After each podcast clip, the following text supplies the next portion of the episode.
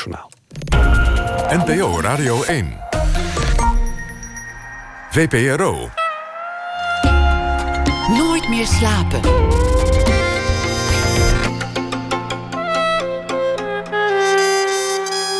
Met Pieter van der Wielen. Goedenacht en welkom bij Nooit meer slapen. Straks na 1 uur hoort u uh, filmmaker Niels de Vus. En onze vaste schrijver deze week is Gerard van Emmerik. Die zal deze week elke nacht een verhaal maken bij de voorbije dag. We beginnen komend uur met Peter Buwalda. De kleine voeten van Lowell George is een uh, bundel van columns... die eerder zijn verschenen in de Volkskrant. Het is uh, niet zijn eerste columnbundel.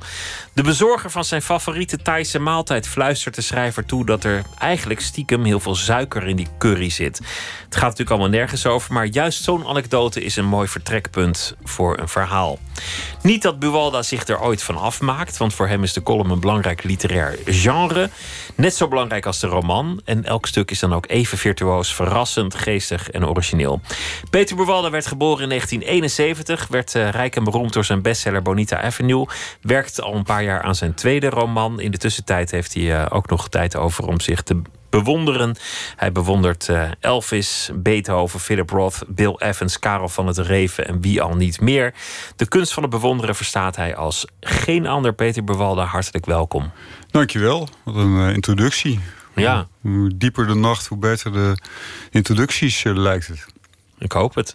Die, uh, je, neemt het echt wel serieus, die columns. Het, het is niet, niet een, een, schrijver die denkt... nou ja, voor mijn roman er is, kan ik vast wat vingeroefeningen doen... of uh, heb ik wat geld. Nou, nee. Het, het, gaat ook een beetje vanzelf. Hè? Je moet ook met de billen bloot. Het uh, heeft een grote oplage, de Volkskrant. En als je dat eenmaal beseft, denk ik, ik tenminste... Dan, en je gaat zitten zo uh, thuis, dan, ja, dan moet er wel iets gebeuren. De volgende dag zit iedereen dat te lezen. En uh, ja, ik ben wel iemand die zeer niet een perfectionist is... behalve als het op stukjes schrijven aankomt. Dan wil ik het wel zo goed mogelijk doen, denk ik. Heb je daar een ritueel bij, bij het schrijven daarvan? Uh, ja, het ritueel is uh, inslapen zonder echt goed idee. En dan een soort stress weten op te bouwen... dat ik de volgende ochtend uh, meteen uit bed kom. Ik heb dan precies de middag, of de ochtend en de middag ervoor. En ik ga altijd uit van een slecht idee, gek genoeg. Als ik van tevoren weet dat het idee heel goed is, of belangrijk... dan heb ik een grote kans dat het niet goed lukt... Terwijl als het een idee is waar ik zelf nauwelijks in geloof... dan moet ik door een soort muur heen... een bepaald soort uh, barrière over zien te komen... en dan, dan, dan lukt het. Dus ik moet eigenlijk een idee hebben waarvan ik op voorhand weet... het is een slecht idee. Dus niet een, een, grote overtuiging die je hebt over de wereld, een, een mening, nee, iets dat je aan het hart nee. gaat. Ja, nee, dat is juist erg gevaarlijk in mijn geval. Als ik het echt heel belangrijk vind, um, in de zin van uh, waar of, of uh, uh, iets, iets wat betoogd moet worden, dan niet dat ik dan dichtklap, maar dan verdwijnt eigenlijk de, ja, de, de, de esprit, zeg maar, bij mij. Dan word ik te serieus of te ja, betogend. Het moet los eigenlijk zijn. En onbelangrijk en daardoor belangrijk. En dat, dat, slechte, beweging. dat slechte idee, dat moet je dan helemaal ontleden en omdraaien en uitspinnen. En... Ja, het, heeft ook een tijdje geduurd voor ik door had dat, dat slechte ideeën de beste columns uh, in mijn geval opleveren. Dus in het begin was ik ook, raakte ik in paniek van het idee. En dan bleek achteraf dat het prima was voor die column. Maar nu, als ik een slecht idee heb, ben ik bijna gerustgesteld. Waarbij een heel goed idee. Ik heb volgens mij in de jaar dat ik het nou doe, ben ik twee keer echt vastgelopen dat ik geen column inleverde. Wat natuurlijk een ramp is voor een uh, columnist. Zeker als je maar één keer in de week hoeft. Maar ja, dat gebeurde. En dat waren twee keer columns die, uh, die eigenlijk te belangrijk waren voor mij. Dus dat ik eigenlijk een soort essay wilde schrijven... waar ik beter een maand over zou kunnen doen dan een ochtendje. En dat moet ik dus niet doen. En uh, dat is het ritueel eigenlijk. Je kunt columnisten volgens mij makkelijk in, in categorieën indelen. Je hebt de, de, de, de columnist die, die de wijze man of vrouw is... die alles nog een keer overziet en tot een genuanceerd oordeel komt. Ja. John Jansen van Galen tot voor kort bijvoorbeeld. Mm. Dan heb je de, de, de columnist die altijd een mening heeft... en meestal dezelfde mening en op de wereld afgaat... en dan altijd met diezelfde mening komt. Ja. Daar heb je er steeds meer van. Die, die zijn dan feminist of vegetariër... en zie daar, ze hebben weer bewijs gevonden voor het gelijk. En dan heb je de columnist, die is een personage. Ja, ik hoor in jouw stem dat jij mij tot de laatste categorie rekent. Klopt dat? Dat hoor je heel goed, ja. Ja, dat, als ik moet kiezen tussen die drie, dan uh, hoor, ik, ja, hoor ik in die laatste groep. Dat is wel een beetje zo, ja. De toon is uh, eigenlijk alles wat de column bepaalt, in mijn geval, vind ik. Um, en inderdaad, een mening heb ik op zich wel overal over, maar die kan ik niet kwijt in, in een column. Terwijl het de juiste plek zou zijn, maar dat is me eigenlijk tot dusver nauwelijks gelukt. Nee, een toon, een, een, een, een visie, uh, bepaalde types die steeds terugkeren in die columns, uh, zetstukken bijna. Dat, uh, dat, dat ja, spreekt me wel aan ja, als je het zo omschrijft. Wie zijn jouw, jouw voorbeelden? Als, als columnist, wie, wie vind jij de, ja, de grote? Ik, ik, had er geen eigenlijk, tot ik gevraagd werd om columns te schrijven. Ik las eigenlijk zelden columns, maar daar ben ik toen wel uh, bewust gaan doen. Het eerste half jaar heb ik heel veel columns gelezen. En wie mij meteen, uh, ik ken hem uiteraard al, maar echt opviel als, uh, als favoriet is Martin Bril wel. Dat, dat, vind ik altijd leuk om te lezen. Vind ik altijd goed. Ook sterk van toon. Van de mensen die nu nog bezig zijn, hou ik ook erg van Sylvia Witteman. Lees ik graag. ook het absurdisme. Ja, nou ik vind dat juist heel realistisch eigenlijk. Ze is heel precies en ook een type, typetje. Ik bedoel, je herkent daar binnen drie of vier zinnen, of één zin vaak. Um, avondkorstjes trouwens ook, hou ik ook erg van. Um, maar dat is allemaal nieuw terrein voor mij, want ik, ik was daar nooit zo mee bezig. Tot ik zelf uh, moest. Maar als je het dan moet doen, dan ga je ook meteen het, het aanpakken als een, als een, uh, alsof het een literair genre is en je daarin de beste wil zijn. Of, of in ieder geval heel nou, goed. Het, ja, god. Het is een literair genre, vind ik. Ik vind het uh, niet onderdoen voor uh, poëzie. Of. Uh, ja, kijk, een roman is natuurlijk wel is heel anders wat betreft de duur dat je ermee bezig bent. Maar het is een soort snelschaken. He, een, een, iemand die een, een pot snelschaak speelt, die doet het ook zo goed mogelijk natuurlijk. En het zal nooit zo afgewogen zijn als een lange partij, maar er is wel één die wint. Dus het is, is een soort ja, een, een, opdracht die je een schrijver zou kunnen geven. En, en, en, een goede schrijver bakt er iets van. En hoe minder goed te schrijven, hoe slechter het resultaat, denk ik. Dus het is wel een, een literaire klus, een column schrijven, vind ik. Martin Bril ging altijd op pad. Die, die, die, Ja, die stapte ja. altijd in zijn Volvo. Totaal onder iemand. Dan Ja. werd later ook een schandaaltje. Was hij nou wel of niet betaald door de Volvo-dealer? om dat te vermelden. Maar die ging, die ging ergens naartoe waar het gebeurde. Of waar, waar het juist niet gebeurde. Ja, J- jij bent echt de, de indoor-columnist. ja ik, ik heb ook geen rijbewijs. Ik heb voor mij ook eens een keer een column begonnen met eh, hè, dat ik wel naar buiten kan rennen en in de auto kan, gaan, kan springen, maar dan zit ik op de bijrijdersstoel. Tot daar is dan mijn Martin Bril eh, methodiek, want dan gebeurt er verder niets. En dat, soms ervaar ik het ook wel als een gebrek of, of een gemis. Ehm, het levert natuurlijk ander soort verhalen op als je het vanuit je eh, hoofd en uit je studeerkamer doet. Het heeft ook zijn charme. Maar het lijkt me heerlijk om in een auto te kunnen stappen en dan gewoon ergens heen te tuffen en dan een stukje te schrijven. Maar dan moet ik toch eerst mijn rijbewijs halen. Fietsen, dat, eh, ja, dat, dat heeft, niet, heeft, geen, heeft geen vaart en geen, eh, geen charme eigenlijk. Maar in die zin is het totaal anders dan hoe ik werk, ja. Altijd binnen. Maar volgens mij ben je ook gewoon een, iemand die graag binnen leeft. Ja, ik vind het wel fijn om binnen te zijn. Geen reiziger in ieder geval. Nee, ik heb vroeger wel gereisd, maar dat, eh, daar heb ik niets aan overgehouden. Ik denk daar nooit aan terug. Behalve als iemand aan mij vraagt van heb jij gereisd? Dan, dan denk ik kort even aan die reizen. En dat is het. En dan, wat ik me dan het beste herinner zijn eigenlijk toch de boeken die ik daar gelezen heb. Dan ga je helemaal naar de andere kant van de wereld Ja. om daar een boek te lezen. Ja, ik heb zelfs een keer in Chili gezeten. Een maand. En toen moest ik een stuk schrijven. Ik was toen nog een van de onderknuppel die eh, allerlei stukken voor eh schooledities schreef. En het ging over Lieve Joris. En toen heb ik alle boeken van haar over Congo gelezen. Dus als ik aan Chili denk, denk ik eigenlijk aan Congo. Dat is heel gek. Omdat je, je boek had meer aandacht dan wat er om je heen gebeurde. Zeer, ja. Dus nee, reizen en weggaan. En, eh, ik, ik vind het fijn dat ik nooit weg hoef. Als jij gewoon in je huis zou kunnen werken met een typemachine of wat dan ook. Dan zou, zou, ook. dat, zou dat prima zijn. Ja, maar zo is het ook. Dat is gewoon het leven dat jij, dat Ja. jij kiest Ja. te leven. Ja, en, en wat ook het eh, meeste oplevert op dit moment. Hoe vaker ik wegga, hoe, eh, hoe meer vertragingen ik oploop met allerlei dingen die ik moet doen. Dus het, het, het thuis zijn, en het- ik luister naar muziek en ik wandel wel een beetje door het huis heen. Dat, dat, dat ligt mij erg goed, ja. denk achter. Jouw ex-vriendin die schreef eh, voor het blad Jan. En toevallig uh, haal ik vaak maaltijden af. En heeft die uitbater van de toko een abonnement op dat tijdschrift. Ah. En dat ging altijd over jullie relatie. Of, of eigenlijk over haar leven. Je, je werd een personage in andermans column. Ja. Even later werd zij een personage in jouw column. Ja. Vervolgens werd je, werd je zelf ook steeds meer een personage in je column. Zij, zij ging eruit. Maar eigenlijk is, is toch op de een of andere manier het persoonlijke literatuur geworden in deze columns. Van haar of die, of die van mij bedoel jij? Nou, bij, bij, jou werd het literatuur en bij haar werd het gewoon open en bloot over, over de bladzij uitgesmeerd tussen de curry. ja, ja, dat is waar, ja. Um, ja, eigenlijk heb ik haar meer als een soort uh, ja, klankbord, een soort uh, pion, iets, iets geestigs. En, uh, ik mis dat ook wel een beetje. Ik, ik, ik heb nu een andere vriendin en die zou daar ook heel goed inpassen in die stukjes.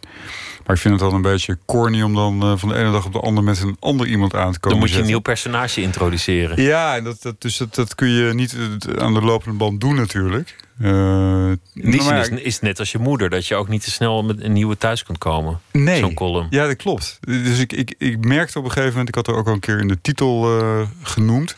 Suzy vindt van niets, zo heette de eerste columnbundel.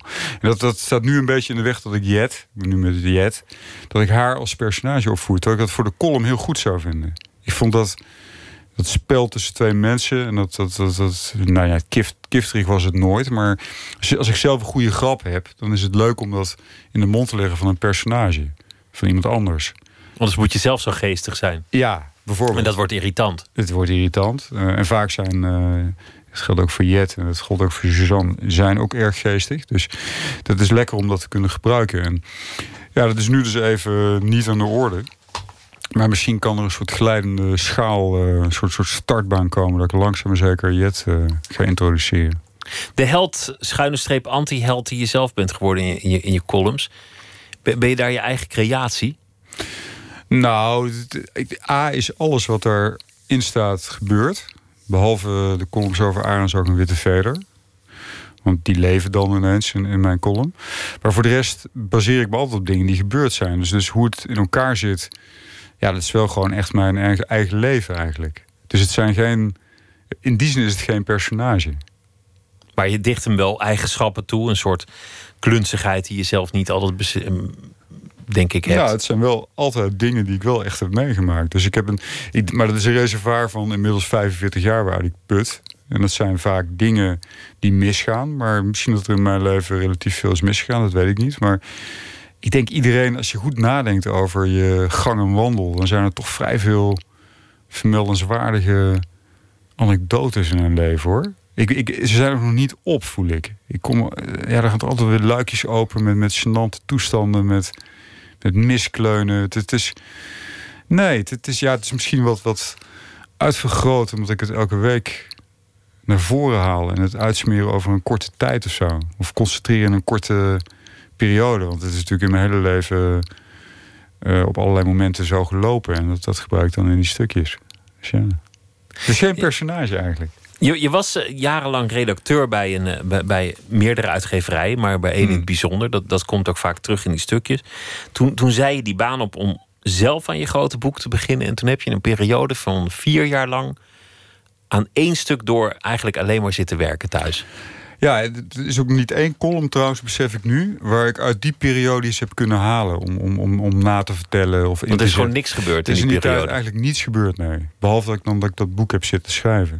Ja, Gewoon, gewoon 's ochtends gaan zitten met je pantoffels aan, schrijven en dan.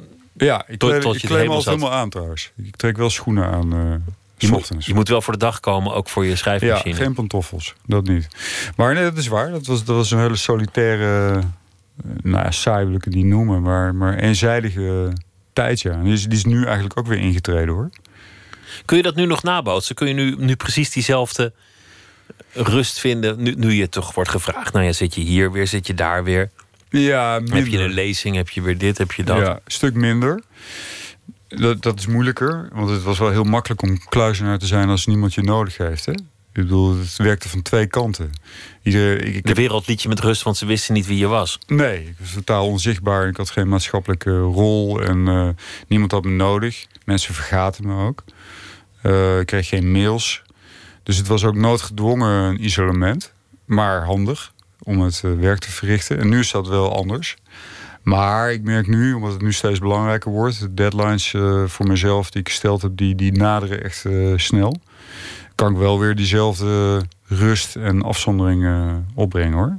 Maar los van dat die periode geen enkele anekdote op heeft geleverd, was het een gelukkige tijd. Ja, een hele mooie tijd. Daar kijk je met, met nostalgie op terug. Zeer, ja. Ik denk dat ik het ook romantiseer, maar aan de andere kant is dat wel een van mijn meest uh, gekoesterde, uh, gekoesterde jaren zijn dat. Die koester. Dat, dat was iets, uh, ja, zeker terugblikkend, iets, iets nou, magisch is overdreven, maar het was zo geconcentreerd dat uh, het ook voorbij gevlogen is. Uh, het lijkt een korte tijd als ik er aan terugdenk. Maar het was heel productief. Het, het, maalde door. Je zou er ook gek van hebben kunnen worden. Maar bij mij was het een soort vliegwiel van... Uh, ja, wel van productie eigenlijk. Het ging goed. Het je personages werden gek, maar jij zelf niet? Nee, nee, nee, ik geloof het niet. Nee. Nee, maar dat had wel gekund. Ik denk als je aanleg had... Ik heb toen ook veel onderzoek gedaan naar psychose schizofrenie, omdat het voorkwam in het verhaal. Het is wel een, een, een proefopstelling om te onderzoeken of je daar uh, aanleg voor hebt. Want als je er wel aanleg voor hebt, dan ga je denk ik wel voor de bel in zo'n Dan, dan komt het. Dan, dan, dan, dan gaat het, gebeuren. ja. Maar ja. Er kwam heel veel muziek in, in je boek voor. Bill Evans, uh, Charles Mingus. Draai je dat dan ook terwijl je die scène schrijft? Heb je dan ook permanent die muziek aanstaan? Uh, ja, ik draai sowieso veel muziek tijdens het schrijven. En, uh, maar die muziek ken ik al vanaf uh, heel jongs af aan. Dus dat was niet per se nodig. Nee, dat, dat niet hoor. Ik draai gewoon waar ik op dat moment zin in heb. Ik kan ook uh, Beethoven draaien en dan schrijven over jazz of zo. Dus dat, nee. Dat, maakt allemaal niet uit? Nee, maakt niet uit. Gaat dwars door elkaar heen. De titel van je bundel, dat gaat natuurlijk over uh, Lower George van uh, Little Feet. Ja. We gaan luisteren naar uh, een van hun nummers, Apolitical Blues. Cool, dat is leuk. All right.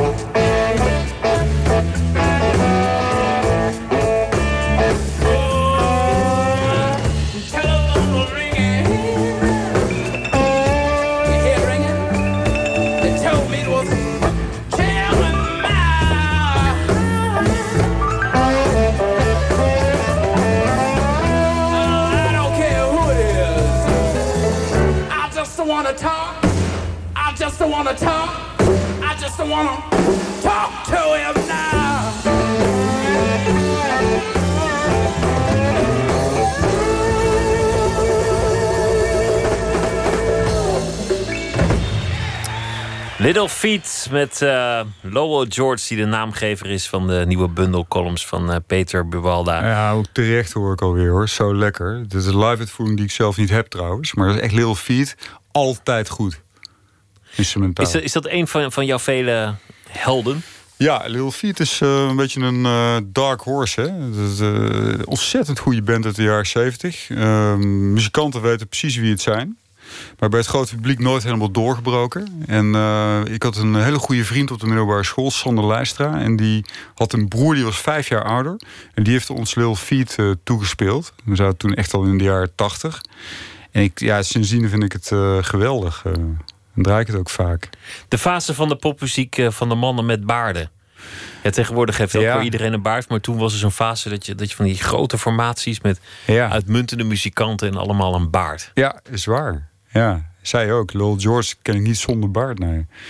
En prachtige nummers. En kleine voetjes, hè. Ze hebben die bandnaam te danken aan Frank Zappa. Die eh, constateerde dat hij van die kleine voetjes had. En zei van, zo moet je je band noemen. En ik vond het wel geestig om dan een columnbundel... eh, eigenlijk Little Feet eh, te noemen. De kleine voetjes van Lil George. En hij komt er ook in voor natuurlijk. Het is een van de... Ja, dit nummer. Ik heb het over dit nummer met name. Het is een, een soort, soort studie bijna. Een soort verzameling van alle clichés en alles wat interessant is aan een bluesnummer zit erin. En ze, ze maken eigenlijk een, een, een soort monument voor, voor wat een bluesnummer kan zijn in, eh, in eh, apolitical blues. Net zoals mijn columns zijn ook apolitical trouwens. Over het algemeen, ja. ja, dus hier, en, daar- hier, en daar, dat, ja. hier en daar een statement, zijdelings. Je kunt er wel iets uit afleiden. En toch aan het eind van de bundel had ik wel een soort, soort beeld van de tijdgeest. Gek genoeg. Ja? Ja, Oh, dat dus wel. dan is er toch iets misgegaan. Oh, dat is die goed gegaan. Nee, ja, weet ik niet. Misschien. Het is nu ook wel een leuke tijd, want eh, de, de een na de ander wordt gekruisigd in de, in de media met eh Ja. Me, Me Too en alle openbaringen. En, en Ja. dan, dan hoor je die heeft een schandaal en die heeft dit gedaan en die heeft dat gedaan. Ja. Maar de, de leukste van vandaag was denk ik eh, Charlotte Mutsaars die in, in haar nieuwe boek beschuldigd werd van de handel in kinderporno. eh, Ja, ik. ze, ze had in fictie opgeschreven dat ze, dat ze ooit de, de, de kinderporno van haar overleden broer had gevonden. En dacht, ja, daar moet ik toch iets mee laten doorverkopen. Voor 5000 euro of zo stond er. En toen had de interviewer gevraagd, is dat echt gebeurd? En toen zei ze, ja, daar geef ik nooit antwoord op. Want het, het staat in mijn boek. En, en waar of niet, wat maakt het uit? Maar vandaag moest ze toch wel zich, eh, zich verweren in, in de wereld draait door. Omdat ze anders volgens mij gelincht zou worden. Ja, dat is wel absurd natuurlijk. Maar ook omdat het kennelijk niet waar is. Hè? Ja, dat weten we Ze niet. nadrukkelijk, het, het is niet waar. Ja, god, het is een schrijver, die mag dingen verzinnen, toch? Ja, ja, ik heb dat gelezen toen in het Volkskrant stuk. En dat stond er heel onhandig. Het, eh, ja, het past een, be- het is een beetje McCarthyisme-achtig een beetje. Het is toch wel iets van een heksenjacht inmiddels. Terwijl de kern natuurlijk erg invoelbaar is en, en terecht. Het, het, is, ja, het gaat alle kanten op. Maar ik, ik, ik, vind het toch wel aardig eigenlijk dat dit nou zo bezig is. Maar wat, dat, wat eh, mij fascineert is... dat MeToo wel interessant. Maar die, die wereld van de schrijvers, hè, als, je, Ja. als je het op dit ene geval toespitst, dan, dan, dan. De literatuur is natuurlijk een plek waar mensen fabuleren, maar nu iedereen permanent op de toppen van uiterste opwinding verkeert, wordt dat toch een kwetsbaar beroep volgens mij. Mensen willen altijd van de schrijver weten: klopt dit, klopt dit niet, deugt dit wel? Ja, dat, is natuurlijk een trend die eh, al heel lang bestaat. Hè? Dat, dat literatuur het beter doet eh, als het echt gebeurd is. Terwijl het eigenlijk een, een, een tegenstrijdigheid is en ook een paradox en ook iets onwenselijks is, vind ik. Eh goede romans zijn niet echt gebeurd over het algemeen.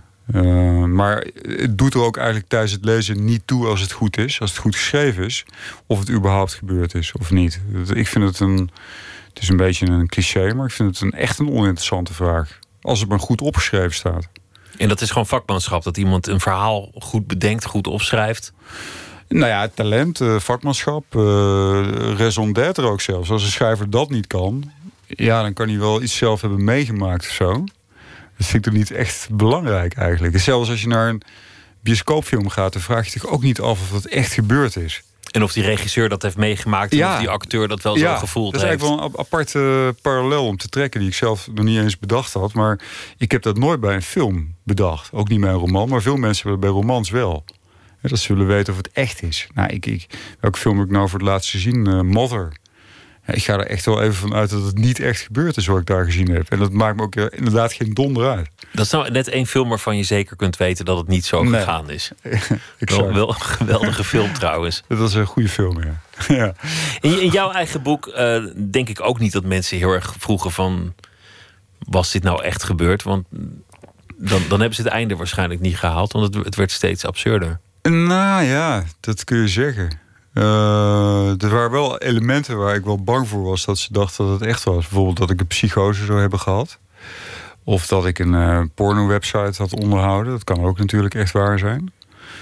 Ehm, het einde, ja, nee, dat, dat eh, komt natuurlijk wel voor, maar niet in mijn familie. Dat iemand zijn zoon vakkundig in stukken zaagt en eh, verspreid over de Belgische. over, Wallonië, zeg maar, in de grond stopt. Ik had, ik had wel iemand eh, bij de Gouden Strop, was dat. eh, de juryvoorzitter, dat, hoe heet ze ook weer? Inge Diepman? Actrice Ja, is dat, dat. de presentatrice was dat. Ja. Nee, nee, dat is die, eh, die ook de wereld erdoor heeft. Nee, en, eh, ik ben haar naam even kwijt. Nou, in ieder geval, ze, speelde in goede tijden, slechte tijden. En zij vertelde dat in haar familie een, een oom...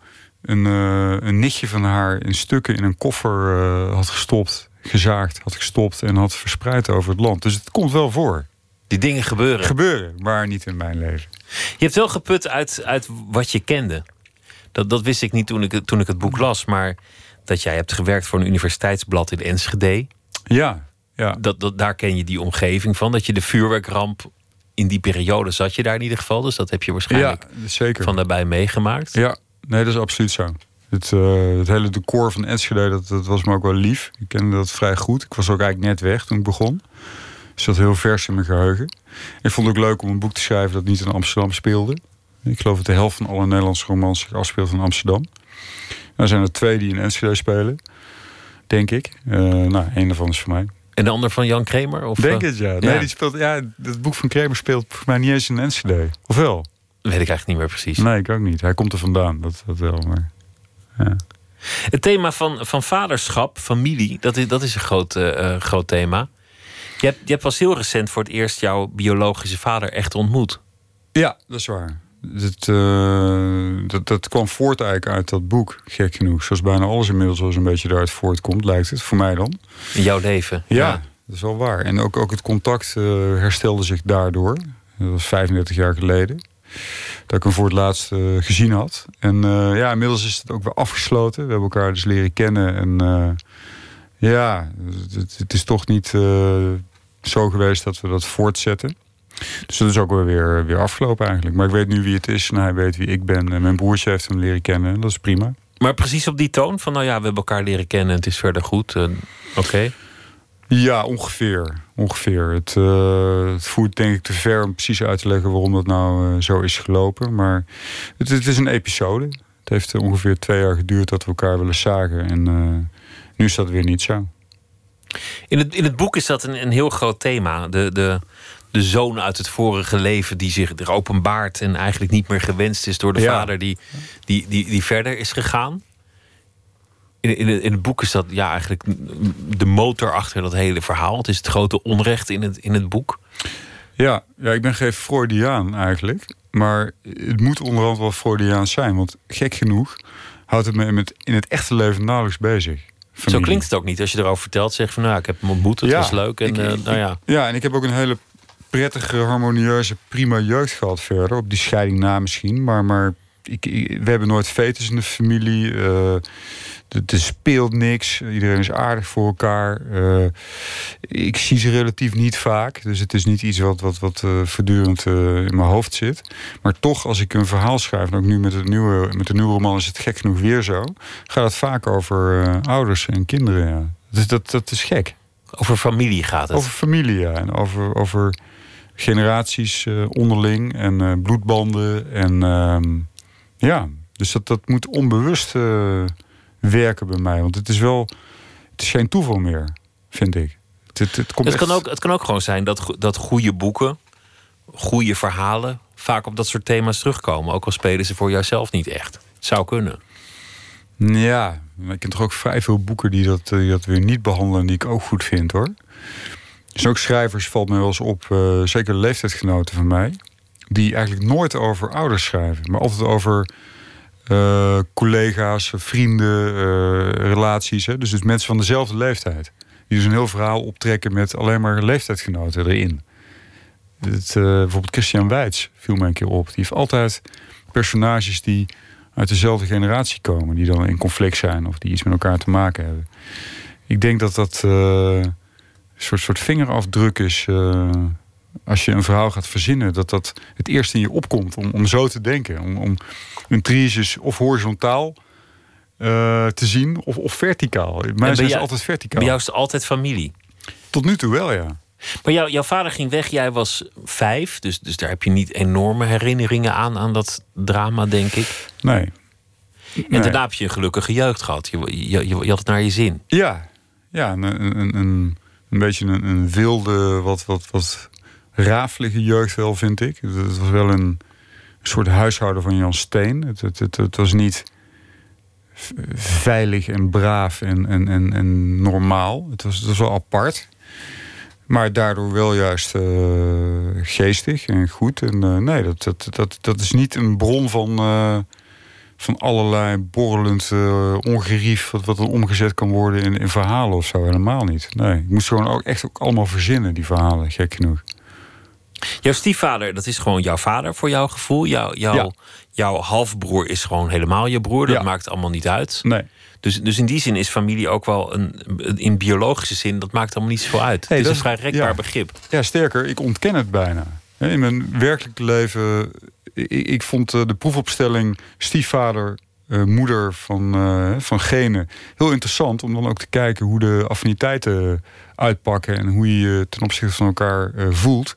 En daar heb ik uit geconcludeerd dat bloed niet uitmaakt. Dat het echt gaat om of je iemand toevallig. Ik mag mijn moeder net zo graag als mijn vader. He, of je ze mag, of, of, of, er een rapport is, of je ze aan elkaar te vertellen hebt. Uh, belangrijker dan dat je, denk ik, uh, toevallig hetzelfde DNA hebt. Tenminste, dat maak ik op in een hele kleine steekproef natuurlijk. Namelijk je eigen steekproef? Ja, mijn eigen steekproef. Maar ik heb dus net zoveel affiniteit met mijn stiefvader als met mijn moeder. Terwijl mijn stiefvader is gewoon een vreemde in zekere zin. Als je het hebt over genen. Dus nurture lijkt mij uh, bepalender in dat opzicht dan uh, nature. Maar ja, dat, wie weet ook een hele andere gevolgtrekking gehad... als ik een vervelende stiefvader had gehad natuurlijk. Dus het is, het is niet wetenschappelijk. Ja, jouw stiefvader was, was uh, fabrieksarbeider?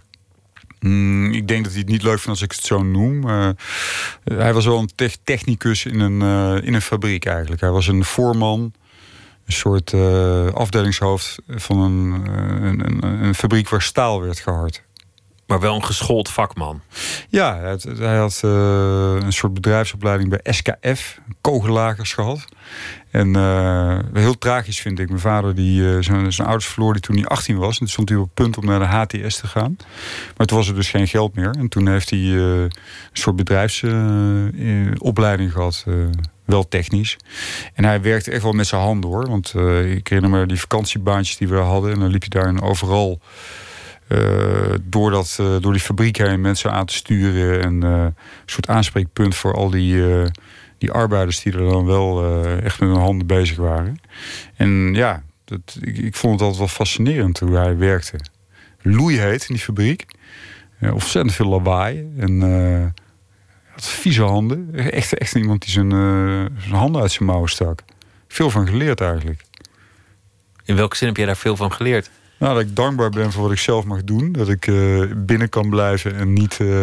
Oh, dat, dat bij jou de verpakking nog om de handjes zit, eigenlijk. Ja, eigenlijk wel, ja.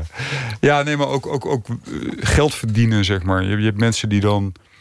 Je hoort dan wel eens een lezing kunnen geven... en dan krijgen ze daar 300 euro voor... en dat vinden ze eigenlijk weinig.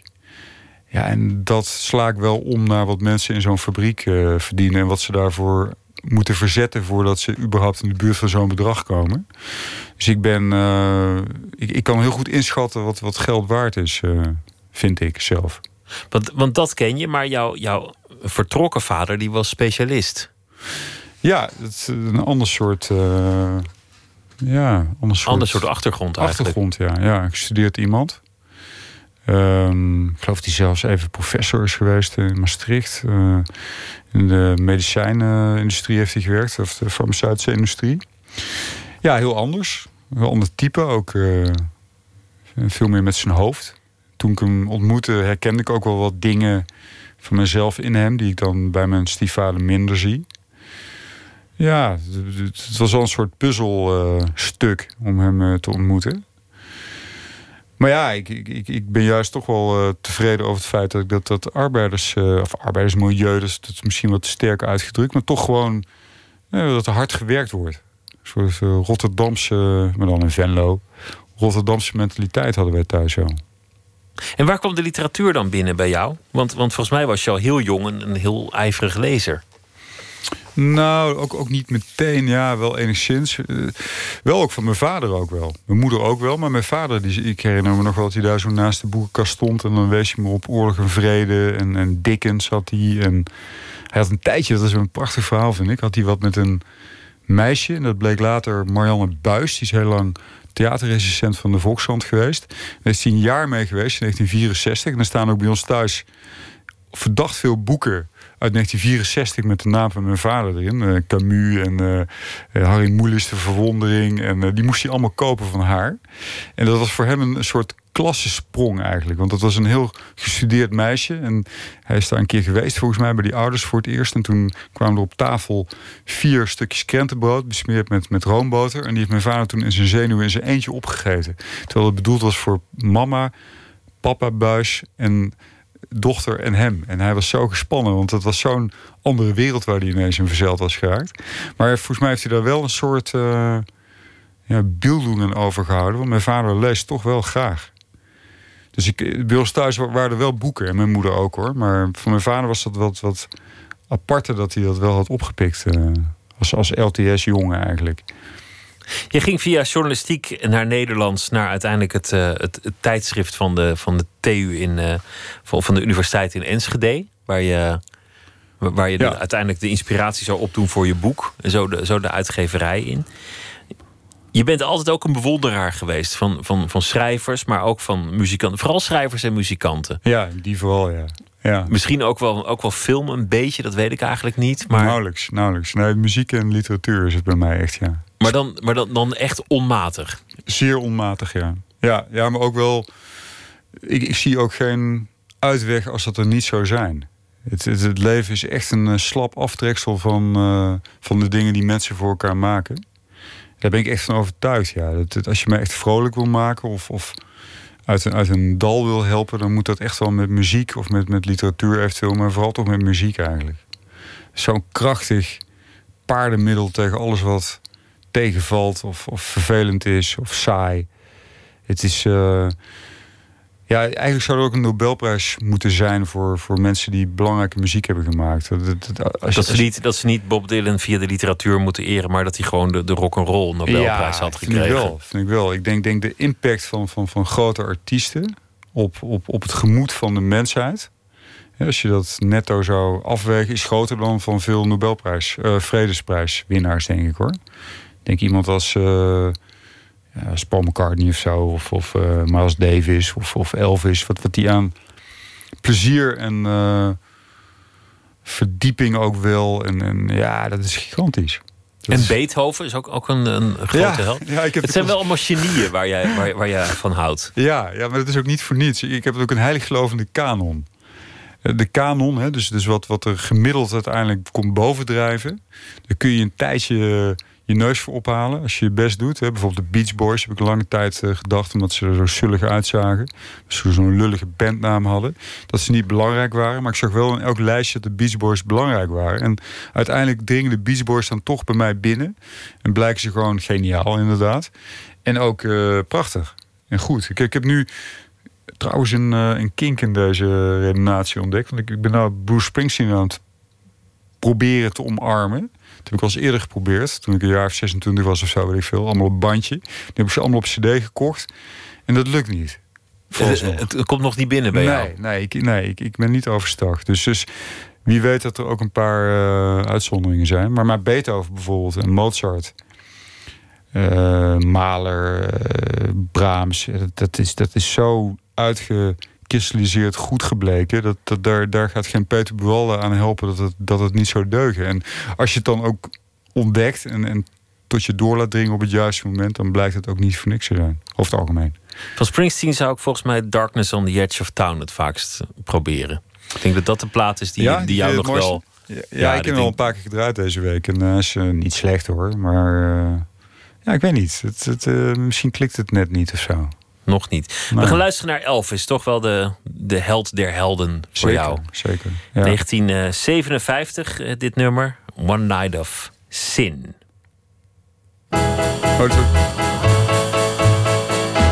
One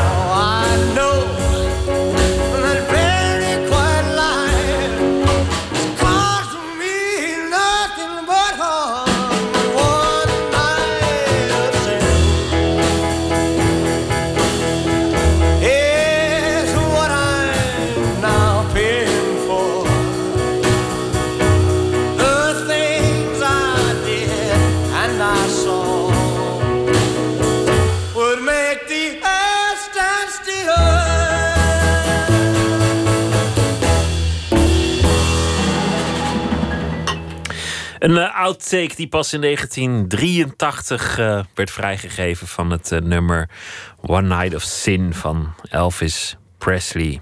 Ja, One Night zelf is wel beter hoor. De, de, Dus de versie die hij zelf ja, heeft uitgebracht. Ja, die hij uiteindelijk op single. Dat was trouwens ook een van zijn talenten. Al die outtakes zijn slechter dan de, de, de, degene die hij uiteindelijk uh, koos. Die waren zo strak en, uh, en lekker en optimaal. Dat geldt, voor de, dat geldt uiteindelijk gewoon voor de meeste artiesten. Hè. Dan, dan zijn ze zoveel jaar dood, of, of is het zoveel jaar geleden. Dan worden er allemaal verborgen parels uit het archief geput. Ja. En die zijn zelden zo goed als de Ja. originele. Ja, maar dat hoort natuurlijk... Uitgezonderd Bob Dylan, die altijd de slechtste versie op zijn plaat zette. Ja, een soort antitalent eh, daarin waarschijnlijk. Nee, dat, dat is waar. En dat, dat is maar goed ook natuurlijk. Ik bedoel, stel je voor, je hebt niet die hand van het juiste materiaal eh, kiezen voor jezelf. Dat, dat gaat samen volgens mij. Dat je dat meteen door hebt. En ook er naartoe kunt werken. Dat je gewoon het lekkerste nummer vindt. Dat is het, het lekkerste take. Gelukkig, ja. Was Elvis ook jouw jeugdidol? Ja, ook. Ja, soms denk ik wel eens dat het daardoor komt. Dat ik hem nou nog steeds eh, in het vaandel, hoog in het vaandel heb. Maar dat is niet waar. Want ik had toen ook wel wat andere mensen die ik goed vond. Die zijn allemaal verbleekt. Maar Elvis, eh, ja, ik ontdekte hem toen ik John Travolta net eh, kende. En toen was ik heel klein, toen mocht ik niet naar Greece toe. Toen was Elvis net dood en toen herhaalden ze een keertje... of toen eh, zonden ze na, een jaar na zijn dood Jailhouse Rock uit. En toen dacht ik echt oprecht dat dat de nieuwe plaat van John Travolta was. Dus ik had de parodie, daar geloof ik in. Daar geloofde je in. En het Ja. origineel, dat, dat was dan... Nou ja, oké, doen we het daarmee. Ja, en toen heeft mijn moeder me op het juiste spoor gezet. En, eh, die had toen een arcade verzamel Met Elvis nummers. En eh, toen heb ik het nog een tijdje in de ban gedaan. Want toen kwam ik erachter dat eh, niemand Elvis op dat moment goed vond. En toen, eh, toen deed ik alsof ik het niks vond. En in één keer zo rond 4 VWO. Toen ik de rest van de popmuziek ook kende. Toen, toen kwam hij terug. En toen is hij eigenlijk nooit meer weggegaan met mij. Dat, ik vind hem... Ja, hij staat wel op één met mij. Elvis is, is de, de king, gewoon voor jou. Ja. En de late Elvis, want die vind ik stiekem het mooist. Ja, dat vind ik leuk als iemand dat vindt. Maar Ja, ik, ik, ik hou toch het meest van de gebroken Elvis. Die- Ja. ik vind, vind ik ook muzikaal trouwens heel mooi. En dan, dan al die Ja? melancholie. Ja, die jonge Elvis is natuurlijk allemaal, allemaal zeer verleidelijk. Maar ik, ik vind oude, droeve Elvis. En je hebt ook nog een midden Elvis, waar ik ook erg van hou. Dus Nou, de ja, jaren zie je. 60 Elvis. eh. Maar de late, ja, nee. Niet dat ik hem slecht vind. Ik bedoel, die neem je erbij en het is dezelfde man. En hij moet tot aan het graf begeleid worden door zijn eh, supporters. Maar ik hou meer van, eh, van de vitale Elvis hoor. Ik ben toch echt eh, ja, de rock'n'roll tijd tot een 58. Maar ook in de jaren 60 ook. Ik vind zeker ehm, Guitar Man Suspicious Minds. Maar ook, ook als hij net uit dienst komt, vind ik ook fantastisch. Stuck on You, eh, Is Now or Never heb ik laatst echt herontdekt. Ik dacht altijd dat ik dat wat minder vond, maar dat is echt een fantastisch nummer. Eigenlijk. En eh, I Feel So Bad. En eh, Little Sister. Witchcraft. Ja, is geweldig. Ja, allemaal parels van nummers. Ja. Separate ook, Ways. Separate Ways vind ik ook zo ja mooi. dat, is, dat is later. Dat is nog later, hè? Dat, Ja, jij ja, dat- echt van die... De echte Rhinestone King. De late witte pakken Ja. Elvis. Dat vind ik leuk. De, er, er zit volgens mij ook iets in, in jou dat, dat je gewoon van, van een genie houdt, omdat je uiteindelijk ook zelf zo wil leven als een, als een genie. Iemand die zich opoffert aan zijn kunst en, en alles in Nou. dienst stelt van, van, van zijn werk. Zo zie ik mezelf toch absoluut niet hoor. Nee? Nee. Zou ook niet goed zijn als je jezelf zo zou beschouwen. Nee, dit zijn wel... De mensen waar we het nu over hebben zijn natuurlijk wel eenlingen uit, uit, uit, uit de hand van miljard of zo. Een Beethoven. Of, of, inderdaad eh, James Brown of, of, of, of Philip Roth of, of Elvis. Dat is echt van een statuur en een zeldzaamheid. Dat maakt het ook interessant. Dat het niet zomaar weer eh, terugkeert of voorkomt. Of, eh, en dan inderdaad ook het onbewuste bij die mensen vaak zelf. Hè? Dat, dat zo'n Beethoven wist wel dat hij heel goed was. En misschien ook zelf dat hij geniaal was. Maar het idee dat je muziek van Beethoven nu met, met een cd-speler... ontelbaar keer vaker kunt horen dan hij zelf, omdat hij doof was. Dat vind ik ook zo fascinerend. Dat hij die dingen die ik zo vaak al gehoord heb... niet eens zelf gehoord heeft. Alleen maar in zijn verbeelding. Hij heeft het waarschijnlijk ook nooit gehoord door zulke goede muzikanten. Ook Hij moest, het met, hij moest het altijd met lokale muzikanten doen. Zeker, ja. En die gingen zeuren. Die zeiden, ah, kan die partij niet wat makkelijker? En dan werd hij weer boos. die tragiek die daarin steekt, hè? Dat, dat, is, eh, dat is sowieso een magnifiek. Dat, dat, zij ook niet weten dat die conservatoria zijn opgericht en dat, dat er hele volkstammen nou carrières baseren op het naspelen van die muziek. Dat heeft hij natuurlijk wel een beetje vervoeld misschien, of, of gehoopt. Maar ik denk niet dat, dat het voorstellingsvermogen van, van Mozart, Beethoven, Bach eh, toestond om dat te weten, om dat te kunnen bedenken. Dat, dat is fascinerend. Daar kan ik de hele dag over nadenken. Dat, dit zijn de thema's die jou, Ja, die echt, het ja. meest fascineren. Ja, dat vind ik heerlijk om over na te denken. ja. In, in de literatuur is, is bij jou vooral de Amerikaanse literatuur uiteindelijk. Philip Roth en, en de, de, de, de echte grote Ja, het is traditie toeval dat het Amerika is hoor. Ik vind, ik vind eh, bijvoorbeeld Ian McEwan, dat is een Engelsman, vind ik ook een fantastische schrijver. En eh, ik vind het juist leuk dat bij literatuur het een, een eenmanszaak is. Hè? Het is eh, je kunt je als schrijver, waar je ook woont, ook al woon je in Reykjavik, makkelijk meten met een, iemand anders in een ander land. Want er is geen budget nodig. Er is geen eh, studio nodig met acteurs. Eh, je hebt geen. eh Ed Sullivan Show nodig waar je kunt optreden. is gewoon één man tegen een andere man. Dus ik zie iemand als Roth ook niet als een Amerikaan per se. Ik zie het gewoon als een schrijver die, net als ik en alle andere schrijvers, is gaan zitten. En romans is gaan zitten schrijven. En of dat nou Thomas Rozenboom is in Nederland of. Of Arnon Grunberg. Of, eh, hè, dat, dat is één tegen één. Dat, dat, maakt de, dat is weer de charme van. Want je eh, hebt, je hebt pen, van en papier. Ja. pen en papier nodig en verder maakt het helemaal niet uit waar je vandaan komt. Nee, nee. Hoewel Nee, dus- natuurlijk wel de taal waarin je schrijft, dat maakt wel uit. Ja, dat is waar. Dus het verspreidingsgebied, eh, dat, dat is zo. Maar Roth heeft een keer gezegd, dat is wel geestig. Tegen een, eh, voor mij tegen een Tsjech of zo. Die, of, of een, of een, een Roemenië onder Ceausescu leefde. Klopt dat, Roemenië? Of Hongarije? Roemenië. Roemenië, precies. Die hadden dus geen vrijheid. vrijheid. En eh, die man die zat eh, zwaar onder de plak bij de eh, geheime politie. En toen zei Roth van... Je hebt maar acht mensen nodig die jou lezen. Je hebt maar acht mensen nodig. Alleen jouw probleem is dat je er maar vier hebt. maar het is natuurlijk wel waar dat je... Hè, het gaat er niet om hoeveel mensen het lezen. Het gaat erom als iemand het leest... of hij het dan wel of niet goed vindt. En eh, de- die wedstrijd is in de literatuur eh, open. Dat is leuk. Het is gewoon, je kunt net zo ver komen in, eh, in Mali als in New York, volgens mij, als je schrijft. Bonita Avenue is, is ook al redelijk de wereld over gegaan. Ja, het is best vaak vertaald inmiddels. Hoe, hoeveel, hoeveel talen weet je dat uit je hoofd? Ja, dat weet ik. Dat hou ik wel bij. Twintig. Nou, dat vind ik, wel, vind ik wel heel aardig. En ga je dan ook elke keer op reis? Nee, eh, sterker, ik, ik heb iets van acht reizen eh, aan mijn neus voorbij laten gaan. Ja. Gewoon echt afgezegd. Heel tragisch eigenlijk, dat je gewoon niet leeft. Want ik, ik merkte dat dat zo veel negatieve impact op eh, mijn concentratie had. Ging ik, eh, moest ik twee weken naar Brazilië bijvoorbeeld. Ja, dan was ik de week daarvoor moest ik toch een beetje afkicken van het schrijven en dingetjes regelen. En, dan- en dan ging ik daarheen en dan kwam ik thuis en dan dacht ik, wie heeft deze berg ellende zitten schrijven voor? Hè? Dus het werk wat ik daarvoor gedaan had, was ik volledig van onthecht. Vond ik heel slecht ineens. En dan duurde dat weer een week of twee, drie voor ik daar weer echt in zat.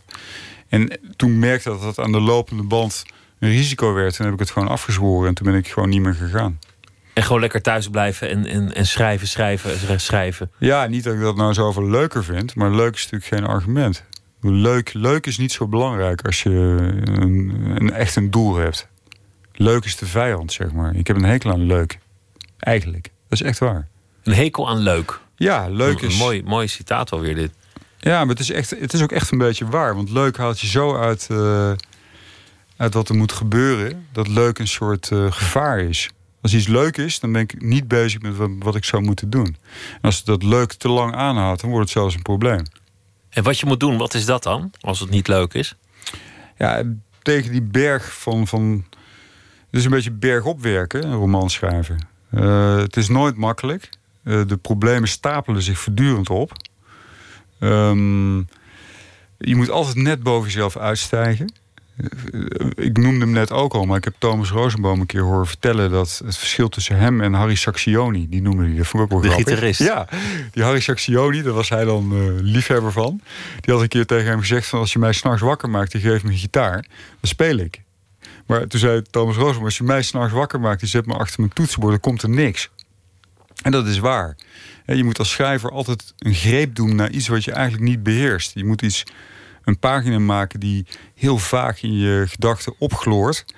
Maar waar je eigenlijk alleen maar problemen ziet van hoe kan ik die nou hemelsnaam schrijven? Hoe, moet dat? Dus je bent altijd iets aan het doen wat je niet kunt. En dat maakt het zo verdraaid lastig. En als je dan de teugels laat vieren, ik in mijn geval, dan glipt het helemaal weg. En dan kom je in een soort eh, modderpoel of, of een stollend stuk. Nou, stond zou ik het niet noemen, maar als je daar te lang in blijft zitten, dan, dan krijg je jezelf er niet meer uit. En dus kun je niet te lang de modder, de modder laten, snap je? Dus, dus oeps, gaan feest vieren of naar Brazilië gaan en daar een beetje de gebraden haan uithangen. Dat is zo contraproductief voor mij. Dus ik heb al die leuke dingen eigenlijk een beetje... Ja, in het begin heb ik me nog wel aan vergrepen, maar ja, aan me voorbij laten gaan. Dus je leeft niet. Dat is jammer. Dat is een Ja, je, paradox. le- je leeft wel, je leeft op papier. Hoe gaat het met het tweede boek? Hoe, hoe ver ben je? En wat kun je er al over vertellen? Ik ben heel ver. ehm, en het is een beetje uit de klauw gelopen. Het heeft, heeft van de Heidiaanse proporties inmiddels. Een trilogie. Zou kunnen. Ik, ik, weet- ik weet nog niet zeker of ik het eh, in één band uitbreng of eh, misschien opdeel. Maar het heeft wel het formaat om dat eh, af te wegen. Het, het, het, het wordt ongeveer 14, 1500 pagina's eh, fictie. En eh, wie weet eh, knip ik het op of eh, knal ik het in één keer eruit, dat weet ik nog niet. Wat, wat vindt je uitgever? Want die uitgever die heeft een mening over. Die vindt van alles natuurlijk. Maar bezig bij. ik heb geluk dat ik bij een welvarende uitgever zit. Die, die zitten echt niet de hele dag aan Peter Ballen te denken, geloof ik. Dus die laten me vrij aardig met rust nog. Ehm, maar we hebben wel overlegd erover. De een vindt dit, de ander vindt dat. Ik, ik weet het nog niet wat ik ga doen. Maar het is wel bijna af. Oh, dat vind ik, ook, vind ik ook wel een primeur. Dus het wordt een trilogie en hij is al bijna af. Nee, het wordt geen trilogie, dat, dat weet ik dus nog niet. Nee, maar, dat, dat vul ik in. dat, dat, dat vat ik expres Ja, verkeerd samen. Ja, ik denk dat het een trilogie wordt. Natuurlijk, je gaat geen 1400 pagina boek. Nee? Nee, natuurlijk niet. Dan kunnen recensenten het niet lezen. En dan, vinden ze het niet mooi omdat ze het niet uit hebben gekregen. Ja, een soort kwaadschiks krijg je dan. Ja, ja, want dan zijn ze boos omdat een weekend naar de knop is. Omdat jij zo'n dik boek hebt geschreven. Ik zal het eens overwegen, maar het, het zou kunnen. Het kan ook twee delen worden. Het kan ook één groot deel worden. Het, het kunnen ook eh, tien hele kleine deeltjes worden. Ik weet het nog niet. En het gaat over een wonderkind dat in een verkeerde familie terecht is gekomen. Nee, het gaat juist over een, eh, een doodnormaal kind... dat in een gezin met wonderkinderen terechtkomt. Dus hij, wordt omge hij zit in een sandwich van talent op een gegeven moment. Maar dat, dat is een verhaallijn. Maar er zitten dus, eh, ik denk wel, wel tien verhaallijnen in... Die, die allemaal redelijk aanwezig zijn. En dit is er één van. Wel, alle mensen hebben sterk met elkaar te maken. Dus het is wel echt één verhaal. Maar breek me de bek niet open als ik, dat, als ik dat ga samenvatten. Ik heb dat wel eens gedaan. Ik weet niet of dat leuk is voor de mensen die er dan bij zitten. Want dat duurt dan echt meteen twee uur of zo. Het is een- Maar, maar het, klinkt, het klinkt zo heerlijk onmatig. 1400 bladzijden. Ja, het is ook onmatig. En soms dan bekruipt mij ook wel de, de schrik daarvoor. Dat ik denk van, had dat niet een onsje minder gekund? Maar ja, het is toch heel natuurlijk eh, tot stand gekomen. Voor mij althans. En ik hoop dat het, als je het leest, dat het ook natuurlijk aandoet. Maar dat is natuurlijk de vraag. Ik hou van dikke boeken. Vind ik waar voor je geld. Ja, dan, als je een boek koopt, dan koop dan een dik boek. Dan heb, je, dan heb ik wel goed nieuws voor je. Het wordt een heel dik boek. Ja, het wordt in ieder geval dik, ja, dat is zeker. Ja. Maar eerst is er nog de, de bundel met, eh, met eh, kortere stukken eh, onder de naam de, de korte voeten van de kleine voeten van Lowell George. Zeker. Vanaf heden verkrijgbaar. Peter Buwalda, dank je wel. Jij ook? Het was leuk dat je hier te gast wilde zijn. Graag gedaan. Zometeen gaan we verder met Nooit meer slapen. En dan eh, gaan we het hebben over eh, film. En we gaan het hebben over eh, de actualiteit. Gerard van Emmerik die heeft een verhaal geschreven bij de dag. Twitter, het VPRO NMS. We zitten op Facebook en u kunt zich abonneren op de podcast. Via de site van de VPRO, vpro.nl slash Nooit meer slapen.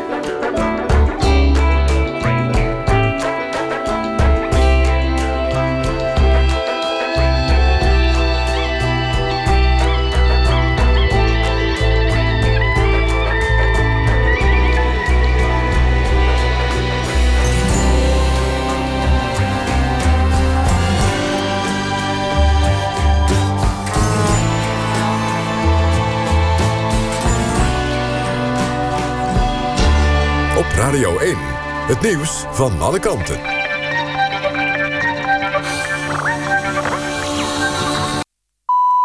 Het is 1 uur, dit is Jeroen Tjepkema met het NOS-journaal. De man die door tv-maker Jelle Brand Korsius wordt beschuldigd van verkrachting... spreekt dat tegen. De beschuldigde tv-producent Gijs van Dam... zat samen met zijn advocaat Peter Plasman in het tv-programma Pauw. Daarin zei Plasman dat hij namens zijn cliënt aangifte heeft gedaan... tegen Brand Korsius wegens smaad. Brand Korsius schreef vorige week in Trouw... dat hij 15 jaar geleden was gedwongen tot orale seks... nadat hij was gedrogeerd. Van Dam zei in het programma dat hij wel seks heeft gehad met Brand Korsius... maar dat dat met wederzijdse instemming was. Volgens Van Dam is hij standrechtelijk geëxecuteerd en onterecht veroordeeld. De Verenigde Staten hebben in Libië de hoofdverdachte opgepakt... voor de aanslag op het consulaat in Benghazi in 2012. Bij die aanslag kwamen vier mensen om het leven... onder wie de Amerikaanse ambassadeur. De verdachte werd in opdracht van president Trump... door Amerikaanse militairen gearresteerd aan de noordkust van Libië. Hij is nu op weg naar de VS, waar hij wordt berecht. De afgezette Catalaanse president Puigdemont is in België. Dat zegt advocaat Paul Bekaert, die door de politicus zou zijn ingehuurd. Of Puigdemont in België asiel wil aanvragen is nog onzeker... hoewel de advocaat wel in dat soort zaken is gespecialiseerd. Puigdemont hangt in Spanje maximaal 30 jaar cel boven het hoofd... voor onder meer rebellie en opruiing. Het gaat slecht met het leven op de bodem van de Noordzee. In de afgelopen 25 jaar is het aantal diersoorten met een derde afgenomen, zegt het Wereld Natuurfonds. Het aantal vissen en vogels is min of meer onveranderd, maar met de bodemdieren gaat het slecht. Ze hebben te lijden gehad onder een vorm van visserij... waarbij sleepnetten met kettingen over de zeebodem worden getrokken. Die techniek wordt inmiddels minder gebruikt... maar de bodemdieren hebben zich nog niet hersteld. Het weer. Minimaal 3 graden vannacht. Overdag vaak bewolkt, soms regen en motregen. In het zuiden blijft het vrijwel droog. En het wordt 10 tot 13 graden. Dit was het NOS Journaal. NPO Radio 1. VPRO. Nooit meer slapen.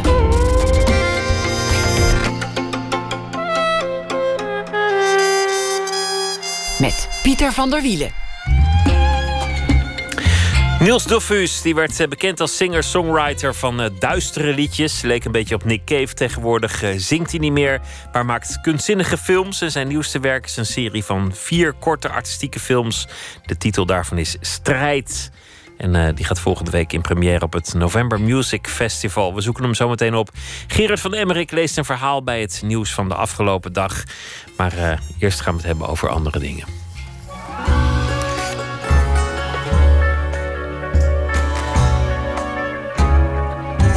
In veel panden uit eh, de massabouw van de jaren 50 en 60 zit kunst verwerkt. Tegenwoordig worden vaak eh, dit soort panden weer gesloopt en daarmee gaan die kunstwerken verloren. In Nijmegen staat een aantal van zulke gebouwen op de nominatie om gesloopt te worden. Delano van Luik is van het CDA en hij maakt zich grote zorgen over het uh, verloren gaan van al deze kunst. Goeienacht. Een goeienacht. Wat voor, wat voor kunst gaat het over? Ja, het gaat dus om kunst van uh, de naoorlogsperiode, dus uh, de periode van de wederopbouw na de Tweede Wereldoorlog. En dan vooral om kunst, uh, monumentale kunst, dus kunst die gebouwgebonden is, aan monumenten vastzit. En ehm, eigenlijk ingericht is naar aanleiding van de percentageregeling die in de wederopbouwperiode is ingesteld. Dus dat is een percentageregeling van 1,5 procent. Dus dat elk overheidsgebouw 1,5 procent van de totale omzet, van de totale kosten van een gebouw gestoken moest worden in kunst. Zodat uh, Jan Alleman, dus Jan met de pet, gewoon uh, overal kunst had en er iets van zou kunnen leren. En het gaat er om mozaïeken, ornamenten, wandkunst, maar ook om, om sculpturen die in het gebouw verwerkt zitten. Ja, reliefs, graffiti, mozaïek, glasramen ook. Dus het is, een, het, is een, heel divers palet aan soort kunst dat het betreft, ja. Is het ook waardevolle kunst? Want, want die gebouwen, daar, uh, daar wordt niet meer aan gehecht. Die worden vaak gesloopt. Is, is die kunst dan nog wel de moeite waard? Nou, absoluut. Het is een, uh, alle kunst, tenminste, ik, uh, ik zit zelf natuurlijk in de, in de Nijmeegse politiek. Nijmegen is natuurlijk een van de, de oudste stad van Nederland. En het gaat dan vooral om alle periodes. En dit is nou specifiek een periode waarvan de kunst dreigt verloren te raken. Um, omdat het dan specifieke periode is waarvan de gebouwen inderdaad, waar de kunst aan vast zit, uh, oud wordt bevonden en gesloopt wordt of vernieuwd wordt. En het is gewoon zonder een periode die je daarmee dreigt te verliezen. Uh, een kunstperiode die dreigt te verliezen, die toch een ontwikkeling met zich meebrengt. Uh, waar wij nog steeds, waar, waartoe wij nu beland zijn geraakt. Wat moet je er dan mee? Moet je het dan losbikken en ergens anders ophangen? Nou, het is natuurlijk de bedoeling om het zo op locatie, liefst op locatie te houden. Dus als het gebouw vernieuwd wordt, wil je het liefst het kunstwerk daar houden. Dus dan verwijder je het. En dan plaats je het terug in de locatie. Maar uh, het kan natuurlijk ook zo zijn als het gebouw helemaal gesloopt wordt... dat je het uh, probeert uh, in de wijk bijvoorbeeld te integreren... of probeert op de nieuwe locatie of de nieuwe bestemming... wat daar terecht komt, dat je daar neerzet. Soms kan het ook helemaal niet. We hebben ook een voorbeeld van hier in Nijmegen gehad van een raamwerk... van, van een glasraam van Ted Velen dat uh, verwijderd moest worden uit een gebouw en volgens herplaatst moest worden. Werd dan uh, herplaatst, bijvoorbeeld, zitten nu te denken aan een kerk. Dus dan heb je een totaal nieuwe locatie. Maar het liefst heb je natuurlijk dat het zo op een, ja, toch op locatie bewaard kan blijven. Het gaat om vrij veel werken. Werken die anders verloren dreigen te gaan. Het gek is eigenlijk dat er, dat er niet echt een beleid voor is. Ja, dat klopt. Het uh, verbaasde mij ook heel erg. Ik werd uh, gecontacteerd door iemand van de vereniging Heemschut. En uh, Norman van Wat heette de beste man. En het, het verbaasde mij ontzettend dat daar geen gemeentelijk beleid op was. En ik ben nu met hier in Nijmegen met uh, GroenLinks, met uh, raadslid Cilia Dame een initiatiefvoorstel aan het schrijven. Zodat wij samen hier kunnen zorgen dat er een beleid komt om die kunst te beschermen, te conserveren. En dat er ook duidelijk wordt voor mensen zelf, want mensen willen het heel graag behouden, waar ze terecht kunnen. En dat ze op tijd erbij kunnen zijn ook. Dus dat het inderdaad beleid gemaakt kan worden, zodat dit niet dreigt verloren te gaan. Een mooi initiatief. Delano van Luik, dank je wel. En een goede nacht. U ook bedankt. Tot ziens, fijne nacht.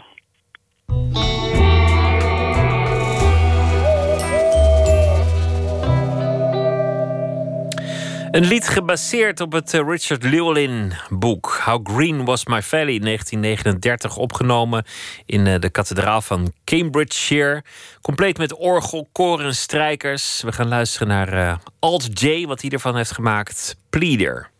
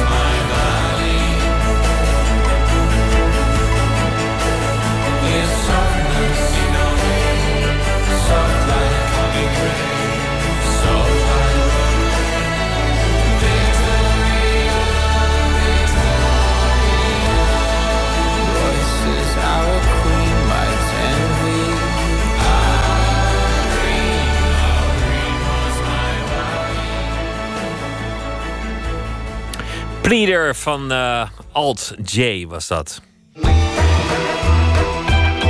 Nooit meer slapen.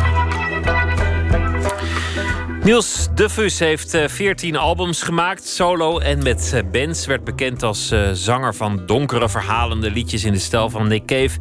Tegenwoordig zingt hij niet meer, maar hij maakt kunstfilms waar hij dan zelf met muziek en beeld iets combineert. Zijn nieuwste werk is een serie van vier korte artistieke films. De titel is Strijd. De reeks gaat binnenkort in première op het festival November Music. Onze verslaggever Nicole Terborg sprak de componist en de filmmaker in Sertogenbos.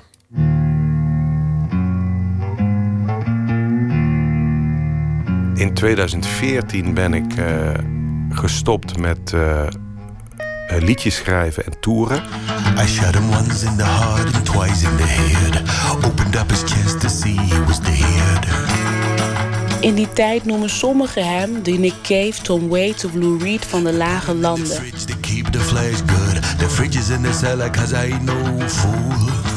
Toch wil hij drie jaar geleden niet meer op dezelfde muzikale voet verder. Maar waarom? Op bedrijventerrein de Poeldonk, Onder de rook van Den Bosch, waar een Nederlands wapen- en munitiefabriek eind jaren 90 de deuren sloot, ligt een rij met grasbedekte bunkers. Eén daarvan is de werkplek van Niels.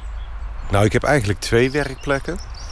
Eén is thuis en dat is uh, een, ja, een werkkamer, een kantoor zal ik maar zeggen. Met een heel groot raam en heel veel licht. En hier in deze bunker, ja, die is precies het tegenovergestelde.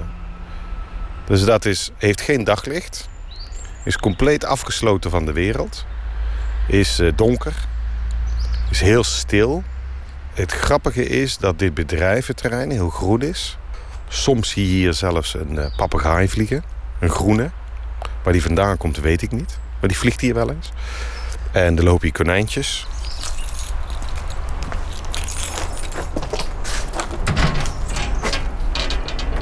Dan zet ik eerst de stroom aan. Zo. Ja, de deur gaat open. Wat zeg je? Spinnen? Hier ook veel Oh ja, ja, ja, ja. 4 bij 5. Ik zie daar een drumstel met een deken eroverheen. Uh, wat is dit nou? Is het een... Dit is bijvoorbeeld een gitaarversterker. Oh ja. Als ik hier kom is dat meestal heel doelgericht. Omdat hier is verder niks in die ruimte. Mijn werkruimte heeft alleen stroom. Er is geen internet. Er is geen, niet eens water. Later zal ik horen waarom hij is gestopt als singer-songwriter van verhalende donkere liedjes. Maar eerst maak ik kennis met wat Niels nu doet. Hij kiest voor een vorm waar hij componeren, musiceren en film maken combineert. Onder de naam Fable Dust brengt hij videoalbums uit, maakt hij kunstfilms en geeft hij filmconcerten. Het muziektheater uh, wat ik de, uh, ook gemaakt heb vroeger en nu ook de, die muzikale kunstfilms. Voor mij gaat het altijd om het verbinden van beeld en muziek in verschillende vormen. En vaak is uh, een achterliggende tekst is heel vaak het uitgangspunt. Ja, want de kunstfilms, als ik er naar kijk, het is bijna een soort meditatief, um, hypnotiserend. Want je ziet dan de landschappen, zwart-wit, beelden, die dan opeens zijn soort schilderijtjes die steeds in elkaar veranderen. Het is een filmische ervaring, want je hebt de muziek erbij en dan het beeld. Je wordt er ingezogen. Ben je daar ook mee bezig met wat jij met de luisteraar en aanschouwer doet? Dat ze er helemaal in meegaan. Dat is een ander soort ervaring dan wat je eerst bij mensen teweegbracht. Uh, ja, dat is wel bewust. Kijk, voor mij zijn die muzikale kunstfilms... Uh, zijn wel... Uh, ja, liggen in het verlengde van wat ik daarvoor ook allemaal gedaan heb. Dus voor mij is, was bijvoorbeeld het schrijven van songs was ook het maken van korte filmpjes in je hoofd. dus het waren hele beeldende filmische teksten in een songvorm. En ik zag die beelden altijd voor me als ik ze zong. Ik, zag, ik had die beleving altijd heel sterk. Dus voor mij waren het eigenlijk altijd korte films, maar niet op, een, uh, niet op een doek of op een scherm, maar in het hoofd van de luisteraar. Dus als je dan moet plassen, wat doe je dan? Nou ja, kijk, uh, er zijn uh, bosjes en bomen. Dus ik kom hier wel makkelijk uit de voeten. In de tijd dat ik vooral met uh, songwriting bezig was en albums uitbracht met liedjes, dan werd ik inderdaad vaak met dezelfde mensen vergeleken. Nick Cave of Tom Waits of nou ja, meestal eigenlijk alles wat donker is, hè, wat een zware stem heeft. Uh, wat geen vrolijke muziek maakt. En nummers uh, vol met moord en doodslag. Nou, dus ja, dan is er ook niet zoveel vergelijkingsmateriaal. Ik kende eigenlijk, eigenlijk nog steeds niet echt uh, songwriters in Nederland... die zich daarmee bezig hielden of houden, zal ik maar zeggen. Die hele verhalende songs, nou ja, sprookjesachtige liedjes eigenlijk schrijven. Niels vertelt waarom hij in 2014 besluit om het over een andere boeg te gooien. Ik was eigenlijk gewoon helemaal op. Ik had uh, op dat moment zeven solo-albums uitgebracht. En ik toerde in mijn eentje en met een uh, kleine, met een uh, two-piece band, met een drumster. En dat was, eh, daar was ik eigenlijk wel klaar mee. Ik vond dat eh, vermoeiend. Ik had het gezien. En toen eh, ben ik daar mee gestopt. Hoe merkte je dat je op was? Um, uh, nou, dat ik gewoon me niet kon uh, toezetten om liedjes te gaan schrijven of optredens te gaan boeken of op tour te gaan. Keek dat heel erg tegenop. En ik werd er gewoon. ja, ik werd daar gewoon. ja, dat voelde niet goed. Dus toen heb ik besloten om dat op dat moment te stoppen. En me op dingen te gaan richten die ik, waar ik juist wel energie van kreeg. Daar ligt in ieder geval daar een gitaar bovenop die kast. Ik moet hem binnenkort gebruiken voor die uh, uitvoeringen tijdens November Music.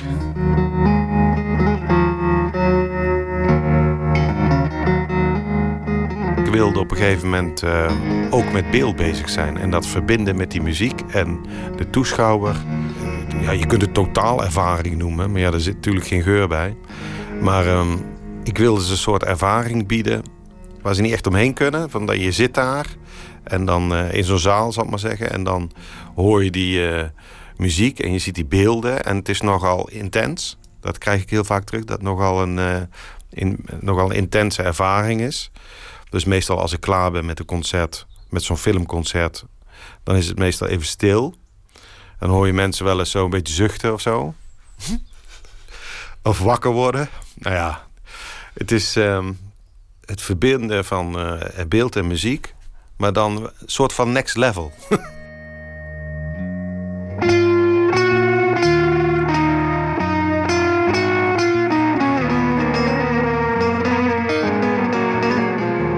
Het afgelopen jaar ben ik heel erg bezig geweest uh, met het verbinden van film en muziek.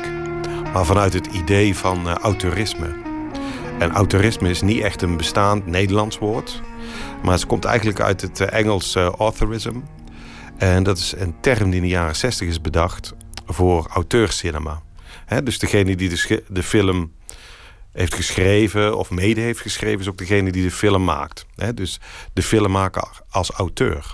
Wat ik in het afgelopen jaar gedaan heb, en wat ik dus ook op, uh, binnenkort op November Music laat zien, zijn een aantal korte films waarin ik dat autorisme heb onderzocht. Dus ik heb teksten geschreven, monologen, poëtische teksten. En van daaruit ben ik eigenlijk korte films gaan maken. Maar in die films duik ik af en toe zelf ook op.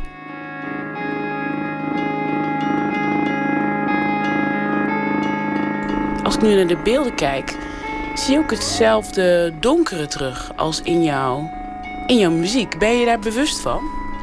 Ja, ik ben me daar wel bewust van, omdat ik het ook wel opzoek. Hè? Ik ben wel iemand die heel stilistisch is. En mijn stijl is altijd een donkere stijl geweest. In alles wat ik doe. Of ik nou uh, een tekst schrijf, of een monoloog of dialoog, of uh, ik maak muziek, of ik maak films. Het, het heeft altijd een donkere romantische kant. Het, is, het heeft een hele duidelijke stijl. Het is ook heel dicht bij mijn persoon, denk ik. Het is soms zelfs uh, best wel um, privé. Dus ja, voor mij is het ook al, uh, zit er ook een bepaalde kwetsbaarheid in. Nou, dan hebben we nog een kabel nodig. Behind the mountain, a black hills in the distance, a wall of a shadow. behind all that, there's the sea. Zijn er mensen die de oude jij missen, qua wat je maakte? Ja, uh, maar het is niet uitgesloten uh, dat er uh, nooit meer een album met liedjes verschijnt. Sterker nog, er ligt, zit er een in mijn computer die eigenlijk wacht om uitgegeven te worden. Wat voor mij heel belangrijk is met die liedjes, is dat ik die beleving weer heb. Dus als ik die liedjes zing, als ik ze uitvoer, dat ik die filmpjes weer in mijn hoofd zie.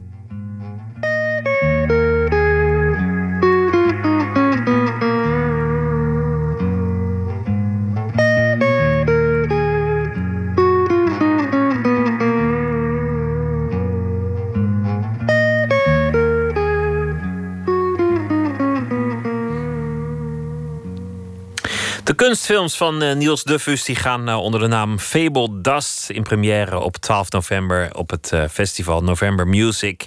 En dat is een tiendaags festival dat komende donderdag zal beginnen. Patricia Cole was ook ooit een van de iCats, de achtergrondzangeressen van Ike en Tina Turner. Later ging ze naar Engeland en daar werd ze bekend onder de naam P.P. Arnold. Ze zong met de Small Faces onder meer. En ze heeft ook zelf nog nummers gemaakt. Ze heeft ook nog met Eric Clapton een plaat gemaakt. Maar die komt om allerlei redenen pas 50 jaar later uit. Turning Tide is de titel daarvan. En dit nummer heet Medicated Go.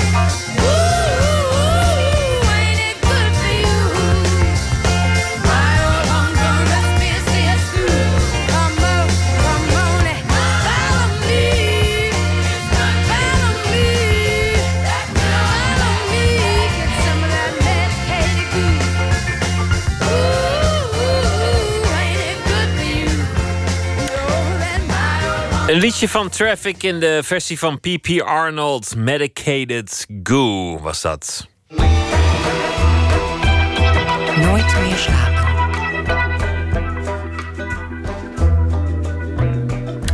Een reportagemaker eh, probeert als het goed is meer te doen dan iemand alleen maar een verhaal te laten vertellen. Je probeert toch iets eh, extra over te brengen, een soort wereld tot leven te brengen, de verbeelding aan te spreken.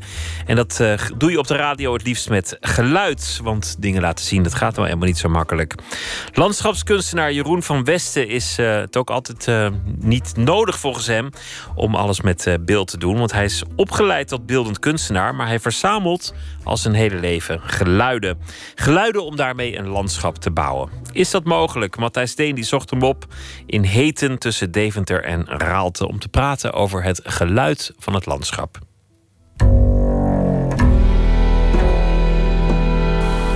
Ik, ik, gebruik zelf nooit het woord muziek voor het werk wat ik doe, want ik ben geen muzikus. Ik werk af en toe samen met Amerikaanse kunstenaar uh, Michael Pestel. Die is van één kant af muzikus en beeldend kunstenaar. En die probeert weg te komen van muziek en dichter bij geluid uh, uh, te komen. Dus jij zou het buitengewoon op prijs stellen als ik in deze reportage nou eens een keer geen muziek gebruik? Ja, ja. Geluid. Gewoon een hele klus. Wat moet ik dan met de emotie?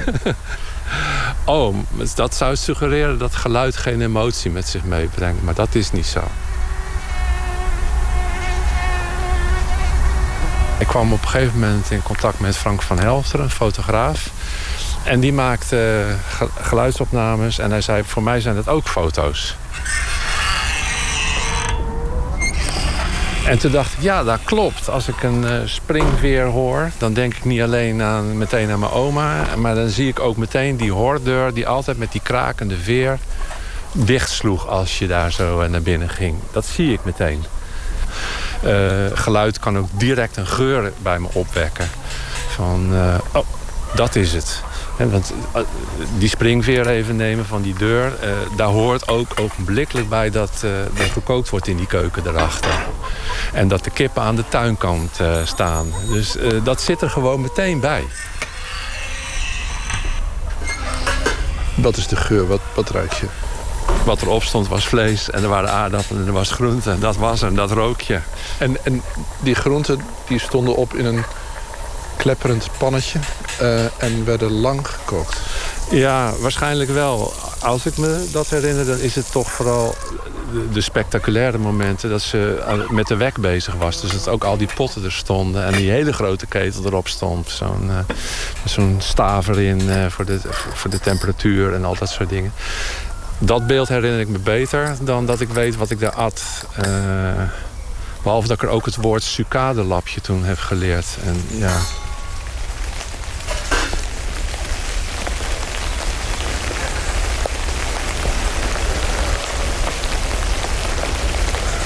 Ik denk dat we leven in een cultuur waar ik echt deel aan heb... en dan ook nog opgeleid ben als beeldend kunstenaar... die beeldgeoriënteerd is. En ik realiseer me steeds meer en meer... dat het geluid ook belangrijk is in het, in het beleven van een landschap. Het ruiken is er eh, belangrijk in. Het voelen is belangrijk. Als je daarover na gaat denken... dan kunnen ze ook niet los van elkaar. Eh, zijn. Ze zitten altijd aan elkaar vast. Maar het is onderbelicht, dat uh, geluid. En juist geluid kan eigenlijk heel dicht bij beeld komen. Je oog kun je ook dicht doen. Moet je eens met je oren proberen. Zelf kan je het niet.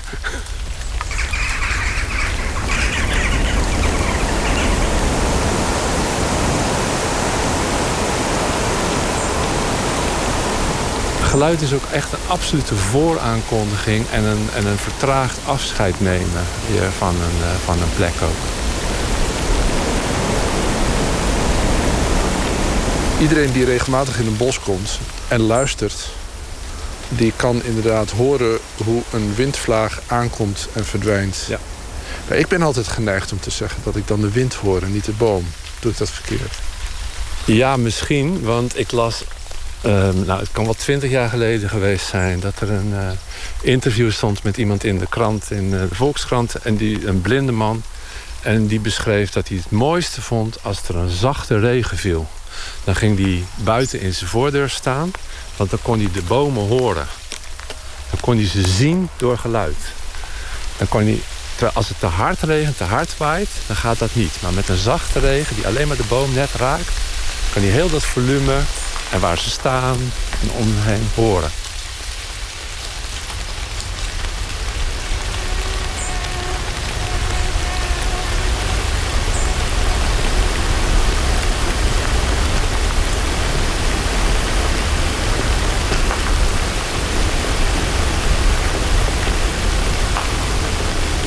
Ik verzamel geluid uh, vanaf uh, heel jong. Echt, uh, nog voordat ik naar de kunstacademie ging... was ik al geïnteresseerd met, met geluid bezig. Alleen al in verhalen. En ik denk dat dat ook een, iets is wat sommige mensen hebben. Dat je, dat je herinneringen opslaat voor een deel in geluid... en voor een deel in, in, in woorden.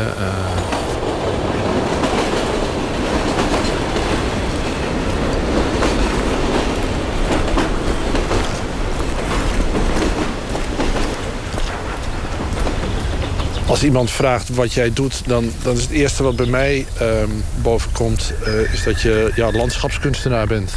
Ja, ja. Ja, dat uh, ook bij mij. Ja, dat, dat is wat ik ben.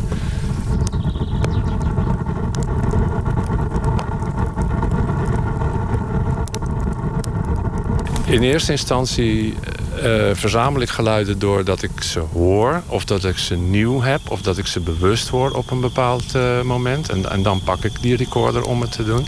Vervolgens rubriceer ik ze eigenlijk in uh, de elementen. Aarde, water, vuur, lucht.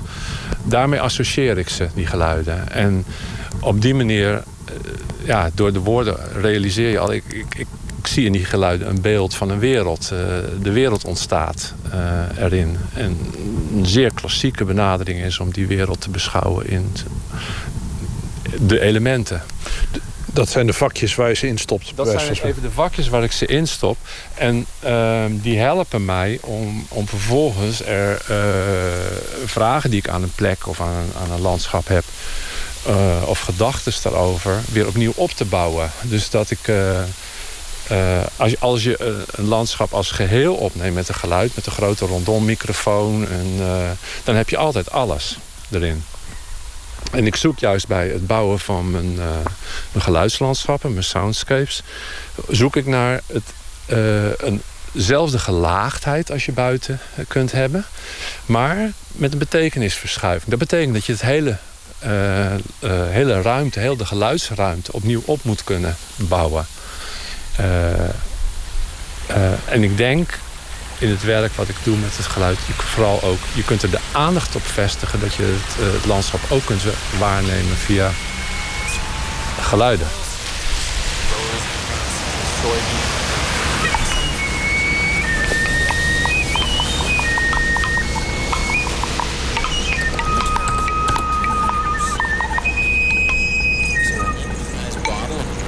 Ik bouw ook het liefst uh, werken die eigenlijk niet op een cd passen, eerlijk gezegd. Uh, die dus, die dus uh, ja, beginnen en op basis van wat er gebeurt zichzelf verder ontwikkelen. Dat, dat, is, dat is echt, dat vind ik de leukste werken om aan, te, aan bezig te zijn. Maar ja, hoe organiseer je, want je, hebt, je had het over een boom in de wind. Ja. En dat is iets, ja, dat, dat zwelt aan ja. Het, dat heeft met je eigen beweging te maken. Ja. En daarna dooft het weer uit. Ja. Zo moet het eigenlijk zijn. Zo moet het eigenlijk zijn, ja.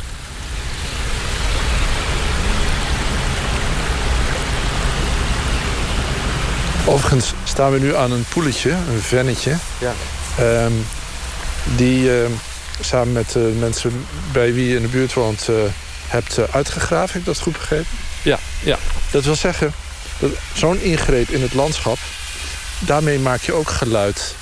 Daar hoef je eigenlijk helemaal niks voor te doen. Je hoeft alleen maar een gat te graven en te wachten. En er ontstaat vanzelf een nieuw geluid. Ja, dat is geluid wat ons... Eh, wij, wij wonen op ongeveer uh, eh, 150 meter afstand van de poel. Maar het kan ons wakker houden. Dus ik vind dat oh, prachtig. Ja. ja, ja. Nee, dat, uh, dat is een succesvolle pool. Is er een compartiment in jou dat dat ook beschouwt als een soort uh, geslaagd kunstwerk... op het moment dat je wakker wordt? Ja, want ik weet niet of je het ziet, maar het is, het is soms helderder zichtbaar. Maar er staan hier twee bankjes. En het heeft een vorm eigenlijk als een amfitheater. Waarbij dan de bankjes het podium zouden zijn voor. Dus, dus die kikkers kunnen naar ons kijken terwijl wij naar de kikkers luisteren. Dus het is bedoeld als een akoestische omgeving. Het is, ik heb het je echt niet verteld van tevoren, maar het is een akoestisch. Ik zag niet dat het een uh, amfitheater was. Nee, inderdaad. Uh, je hoeft alles niet expliciet te doen. Daarom staat er ook geen bordje bij akoestisch uh, amfibietheater, zoals ik het wel eens noem. Je hebt door deze kuil te graven hier in deze nou ja, ontgonnen ag agrarische omgeving... heb je een landschap teruggebracht... dat hier de afgelopen 10.000 jaar heeft bestaan. En daarmee ook het geluid daarvan in kleine schaal. Ja. Doet jij dat wat? Ja. Ja, dat doet me echt wat. Want een van de redenen dat we buiten zijn gewoond... is te proberen uh, een bijdrage te leveren aan het landschap... op een manier dat het uh, ja, gevarieerder kan klinken en kan, kan eruit kan zien. En mensen zijn heel erg gevoelig voor het beeld van de kleur van de poel en de, en de bloemen, de wilde planten. En dan misschien impliciet merken ze pas het geluid van al die kikkers. En het uh, lopen op de mossen, dat zo zacht is het akoestisch gezien, dempt het hier zo. Het ruiken van, uh, van de bloemen, de bijen die je hoort. Ik heb het wel degelijk over de akoestische kwaliteiten van een landschap. En die, die nemen bar hard af als je alleen maar uh, industriële landbouw pleegt dan is dit veel rijker.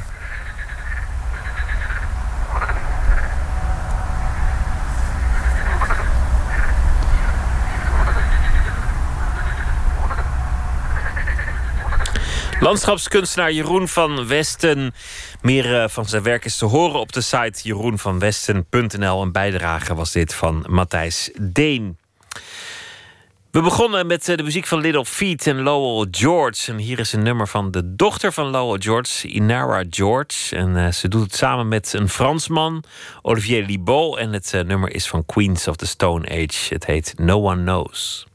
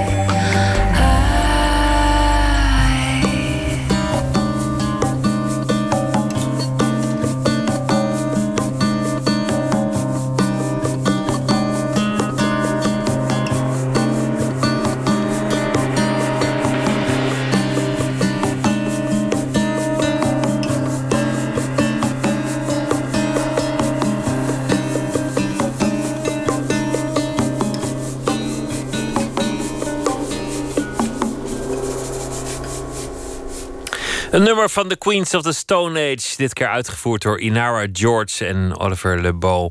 No One Knows. Eén minuut gemaakt door Katinka Beer. En de titel is Een voordeel in het vak. Pst. Eén minuut. Liegen, dat probeer ik niet te doen, want daar hou ik niet van. Een beetje de boel versieren, dat vind ik wel wat anders. Als ik bijvoorbeeld ergens naar binnen zou moeten om inlichtingen te krijgen en ik weet niet hoe ik naar binnen moet. En ik stel mij voor als iemand van de Vereniging van Huisvrouwen, dat vind ik niet een echte leugen. Als ik nou zeg, ik ben je tante uit Amerika en ik kom bij je logeren, dat vind ik weer andere koek. Dat, is, eh, dat vind ik wel jokken. Maar gewoon iets een beetje verzinnen, nou, dat vind ik niet zo erg. En dan ben je erin. En dan rondkijken. Het is wel grappig in dit vak dat ze van een vrouw van in de 70 eigenlijk nooit verwachten dat ze dit werk doet. Want uh, ja, van detectives verwachten ze altijd jonge mannen in leren jek met een sportauto. En daar lijk ik natuurlijk helemaal niet op. En ik kan natuurlijk ook heel onnozel doen. Want als ik in een regenjas ga lopen en ik hou mijn handtas gewoon in mijn hand... Van, en die laat ik zo naast me hangen... dan denkt iedereen, nou dat oude mens, dat loopt hier langs. Maar ze zullen nooit denken dat ik inlichtingen uit ben. En dat is wel een voordeel in dit vak. Die sportauto heb ik wel trouwens.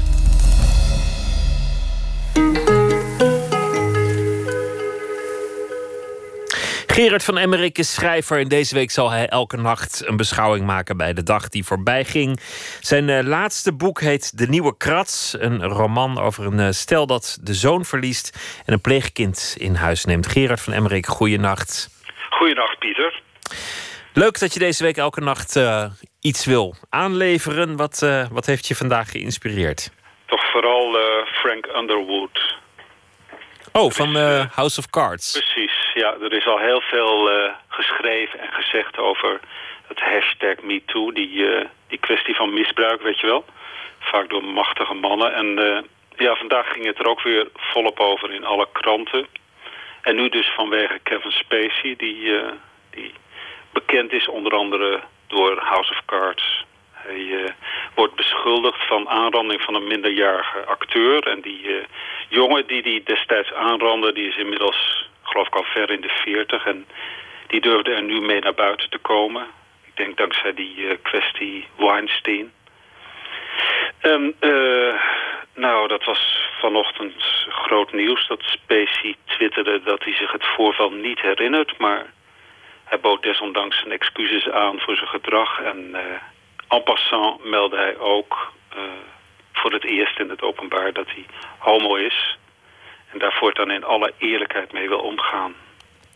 Ja, dat laatste dacht ik al te weten. Dat is wat zo grappig als iemand een bekentenis doet die je al dacht te weten. Je al zes films lang vermoedt in ieder geval, ja. Nou, ik, ik, iemand had me dat ooit gezegd. En toen dacht ik, oh ja, nou ja, goed, prima. Nooit meer over nagedacht.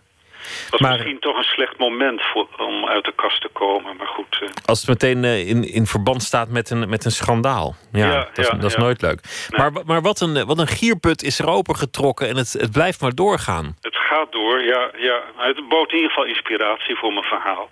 Ik ben benieuwd, ga je gang. Vanavond hadden mijn collega's het over vervelende mannetjes in een voetbalprogramma. Die hadden zitten lachen om een verkrachting. En allemaal vonden we het een goed initiatief, dat Me Too. Ook onze jongste collega, die te vaak complimenten van ons krijgt. Banale complimenten zelfs. Vanwege zijn Hollywood-achtige voorkomen en zijn spijkerbroek, die zo mooi strak zit. Al snel kwamen de ontboezemingen. Iedereen had wel eens een hand op een borst gevoeld. Of erger. En jij? vroeg de collega Engelse literatuur. Heb jij nooit een hand gevoeld? Nee, zei ik, nooit. Wat eigenlijk niet klopte. Want net als onze strakke spijkerbroek-collega was ook ik ooit 21. Ik solliciteerde voor een stage in een psychiatrisch centrum. De directeur, met wie ik het gesprek had, begon over mijn ogen. Dat die blik van me zo intens was. Je lijkt op die Franse zanger, zei hij, Julien Clerc, maar dat is je vast al duizend keer verteld. Dat was me nooit verteld. Maar vermoedelijk bloosde ik, zoals jongens dat lang geleden nog deden. En daarna wilde de directeur me het gebouw laten zien. En dan vooral het washok. Een vochtige, warme ruimte. En hij kwam steeds dichterbij.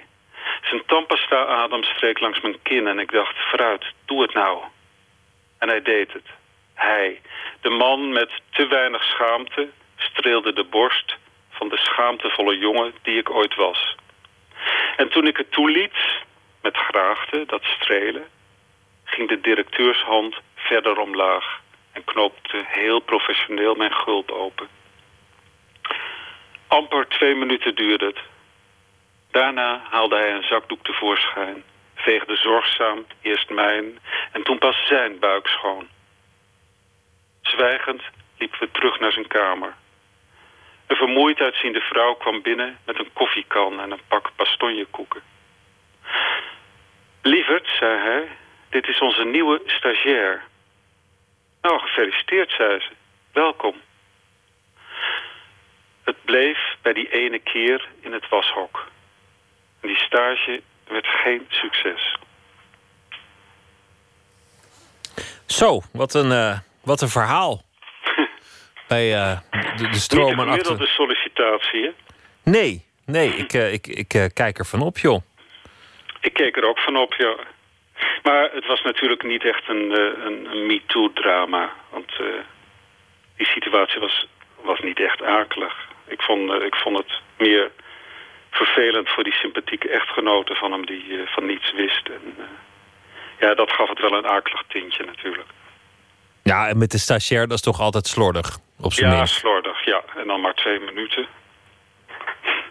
Ja, vind jij het een goede zaak, al die, al die schandalen die nu naar buiten komen... en al die, al die aantijgingen over en weer? Nou, ik vind het wel goed dat, dat, dat, ja, dat mensen daar uh, mee naar buiten komen, hoor. Ja, dat denk ik wel. Want uh, ja, ik hoor het zo vaak, eerlijk gezegd. En uh, ja, het, het, die, die macht, hè, die, die fysieke kracht... die, die, die mannen dan over het algemeen uitoefenen op, op mensen. Ik vind het wel goed dat ze uit de kast komen ermee. Dat het maar eens afgelopen moet zijn, dat mensen het ja, niet meer pikken. Ja, ik weet niet of het... Ik denk dat het wel effect zal hebben, want die, die, die, uh, die jonge collega over wie ik het net had... ja, dat is, dat is ook zo, zo iemand die... waarvan ik, wat ik net al zei, dat, dat ik merk dat dat toch vrij banale, banale complimenten zijn... die hij ook van ons krijgt. En dat, dat doe je eigenlijk zonder daarbij stil te staan, althans... Wij doen dat ook. En misschien vindt hij dat wel helemaal niet leuk. Maar het is, er zit ook wel aan, als ik de krant zo lees, het aspect, en dat, dat, dat is er altijd geweest, dat mensen het ook wel gewoon leuk vinden om iemand aan de schandpaal genageld te zien worden. Ja, dat, dat zal ook soms. Uh, of het nou over, over, over ja. seks gaat of over iets anders. Ja, ja en uh, ja, dan moet natuurlijk, ja, bewijs het maar eens. En kijk, deze man over wie ik nu geschreven heb, ja, ik zat daar verder niet zo erg mee. Ik vond het eigenlijk meer sneu.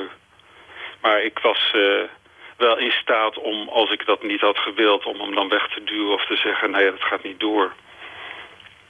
Ja, al was er formeel wel sprake van een machtsverhouding. Dus, ja, dus... ja, absoluut. Ja, ja, dat is wel waar, ja. Goh, wat een verhaal. Wat een begin van de week, Gerard. Dat belooft nog wat. het wordt een mooie week als het uh, als zo ja. doorgaat. Dank je wel. Tot morgen. tot morgen, hè. Dag.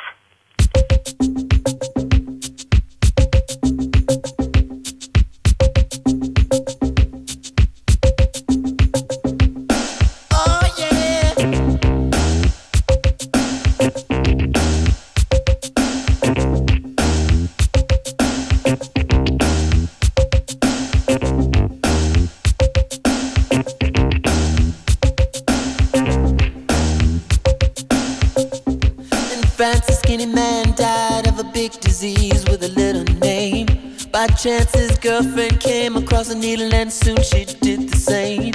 At home, there were 17 year old boys, and their idea of fun is being in a gang called the Disciples High on Crack, a toting a machine gun.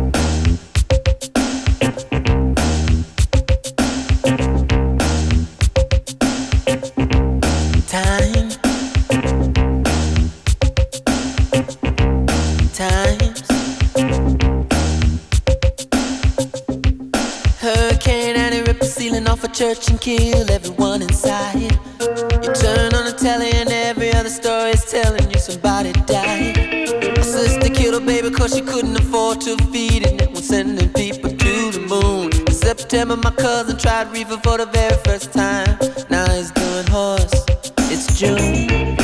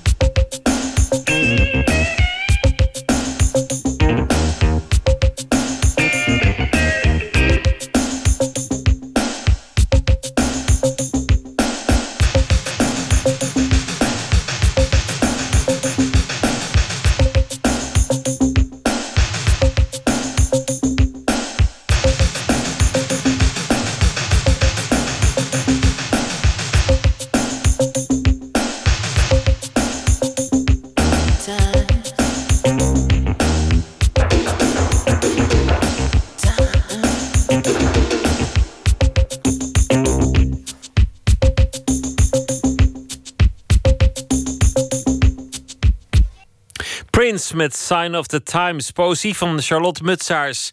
Deze week eh, viert ze haar 75e verjaardag met een eh, boek. Harnas van Hansaplast. En samen met eh, Louis Gauthier maakte ze de plaat Rikkelrak. En dit is een gedicht. Alles van plastic is weerbaar.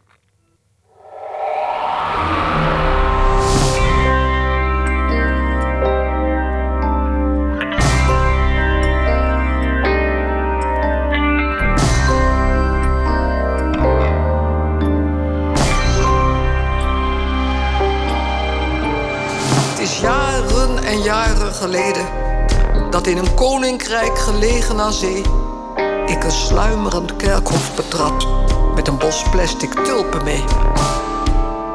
En die bloemen waren bestemd voor de schilderbaron daar aan zee.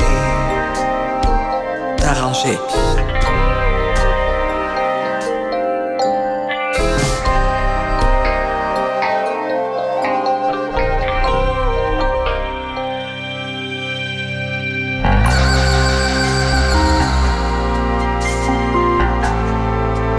James Ensor heette zijn graf. En de naam stond gebeiteld in steen. En ik stond genageld in gras. Met mijn bos plastic tulpen mee.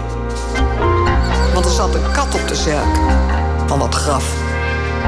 Gelegen aan zee.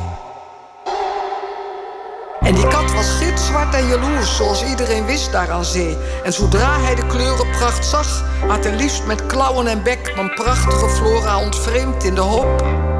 De wind neemt dit mee.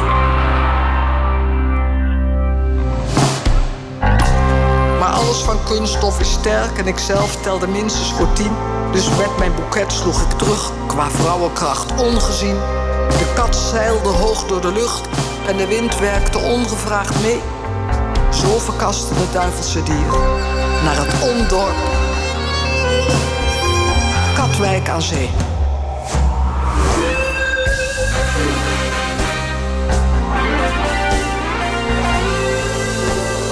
Katwijk aan Zee.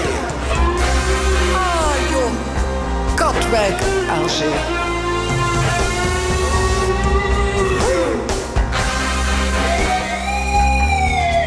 Ondorp, Katwijk aan Zee. Het is jaren en jaren geleden dat in een koninkrijk gelegen aan zee ik een sluimerend kerkhof betrad met een bos plastic tulpen mee. En die bloemen waren bestemd voor de schilderbaron daar aan zee. En terwijl ik met uiterste zorg mijn kleurige bloemenpracht schik en neerstrijk tussen het plastic om mijn naam te bikken in steen, mijn naam naast de zijne te bikken op die grafzerk verkleurd door de zee, vaart er plots van onder de grond een stem door me heen. Neem mij mee. Neem mij mee. Want bloemen verwelken en schepen vergaan bij bosjes hier aan de zee. Maar alles wat dood is, blijft eeuwig bestaan en leeft levenslang met u mee.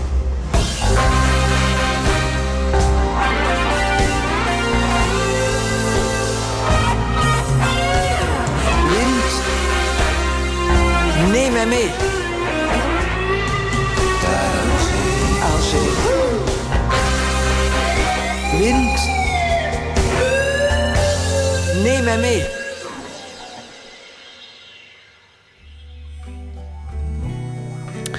Alles van plastic is weerbaar van eh, Louis Gauthier en Charlotte Mutsaars. Morgen komt Jan Drost op bezoek. Hij is schrijver en filosoof.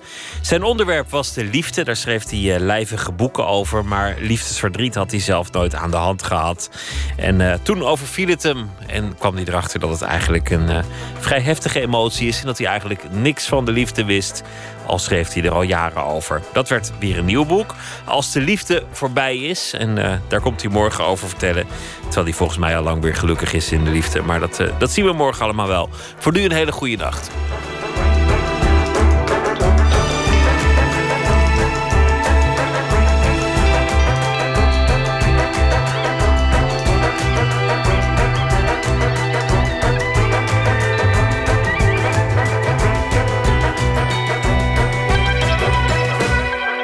Radio 1, het nieuws van alle kanten.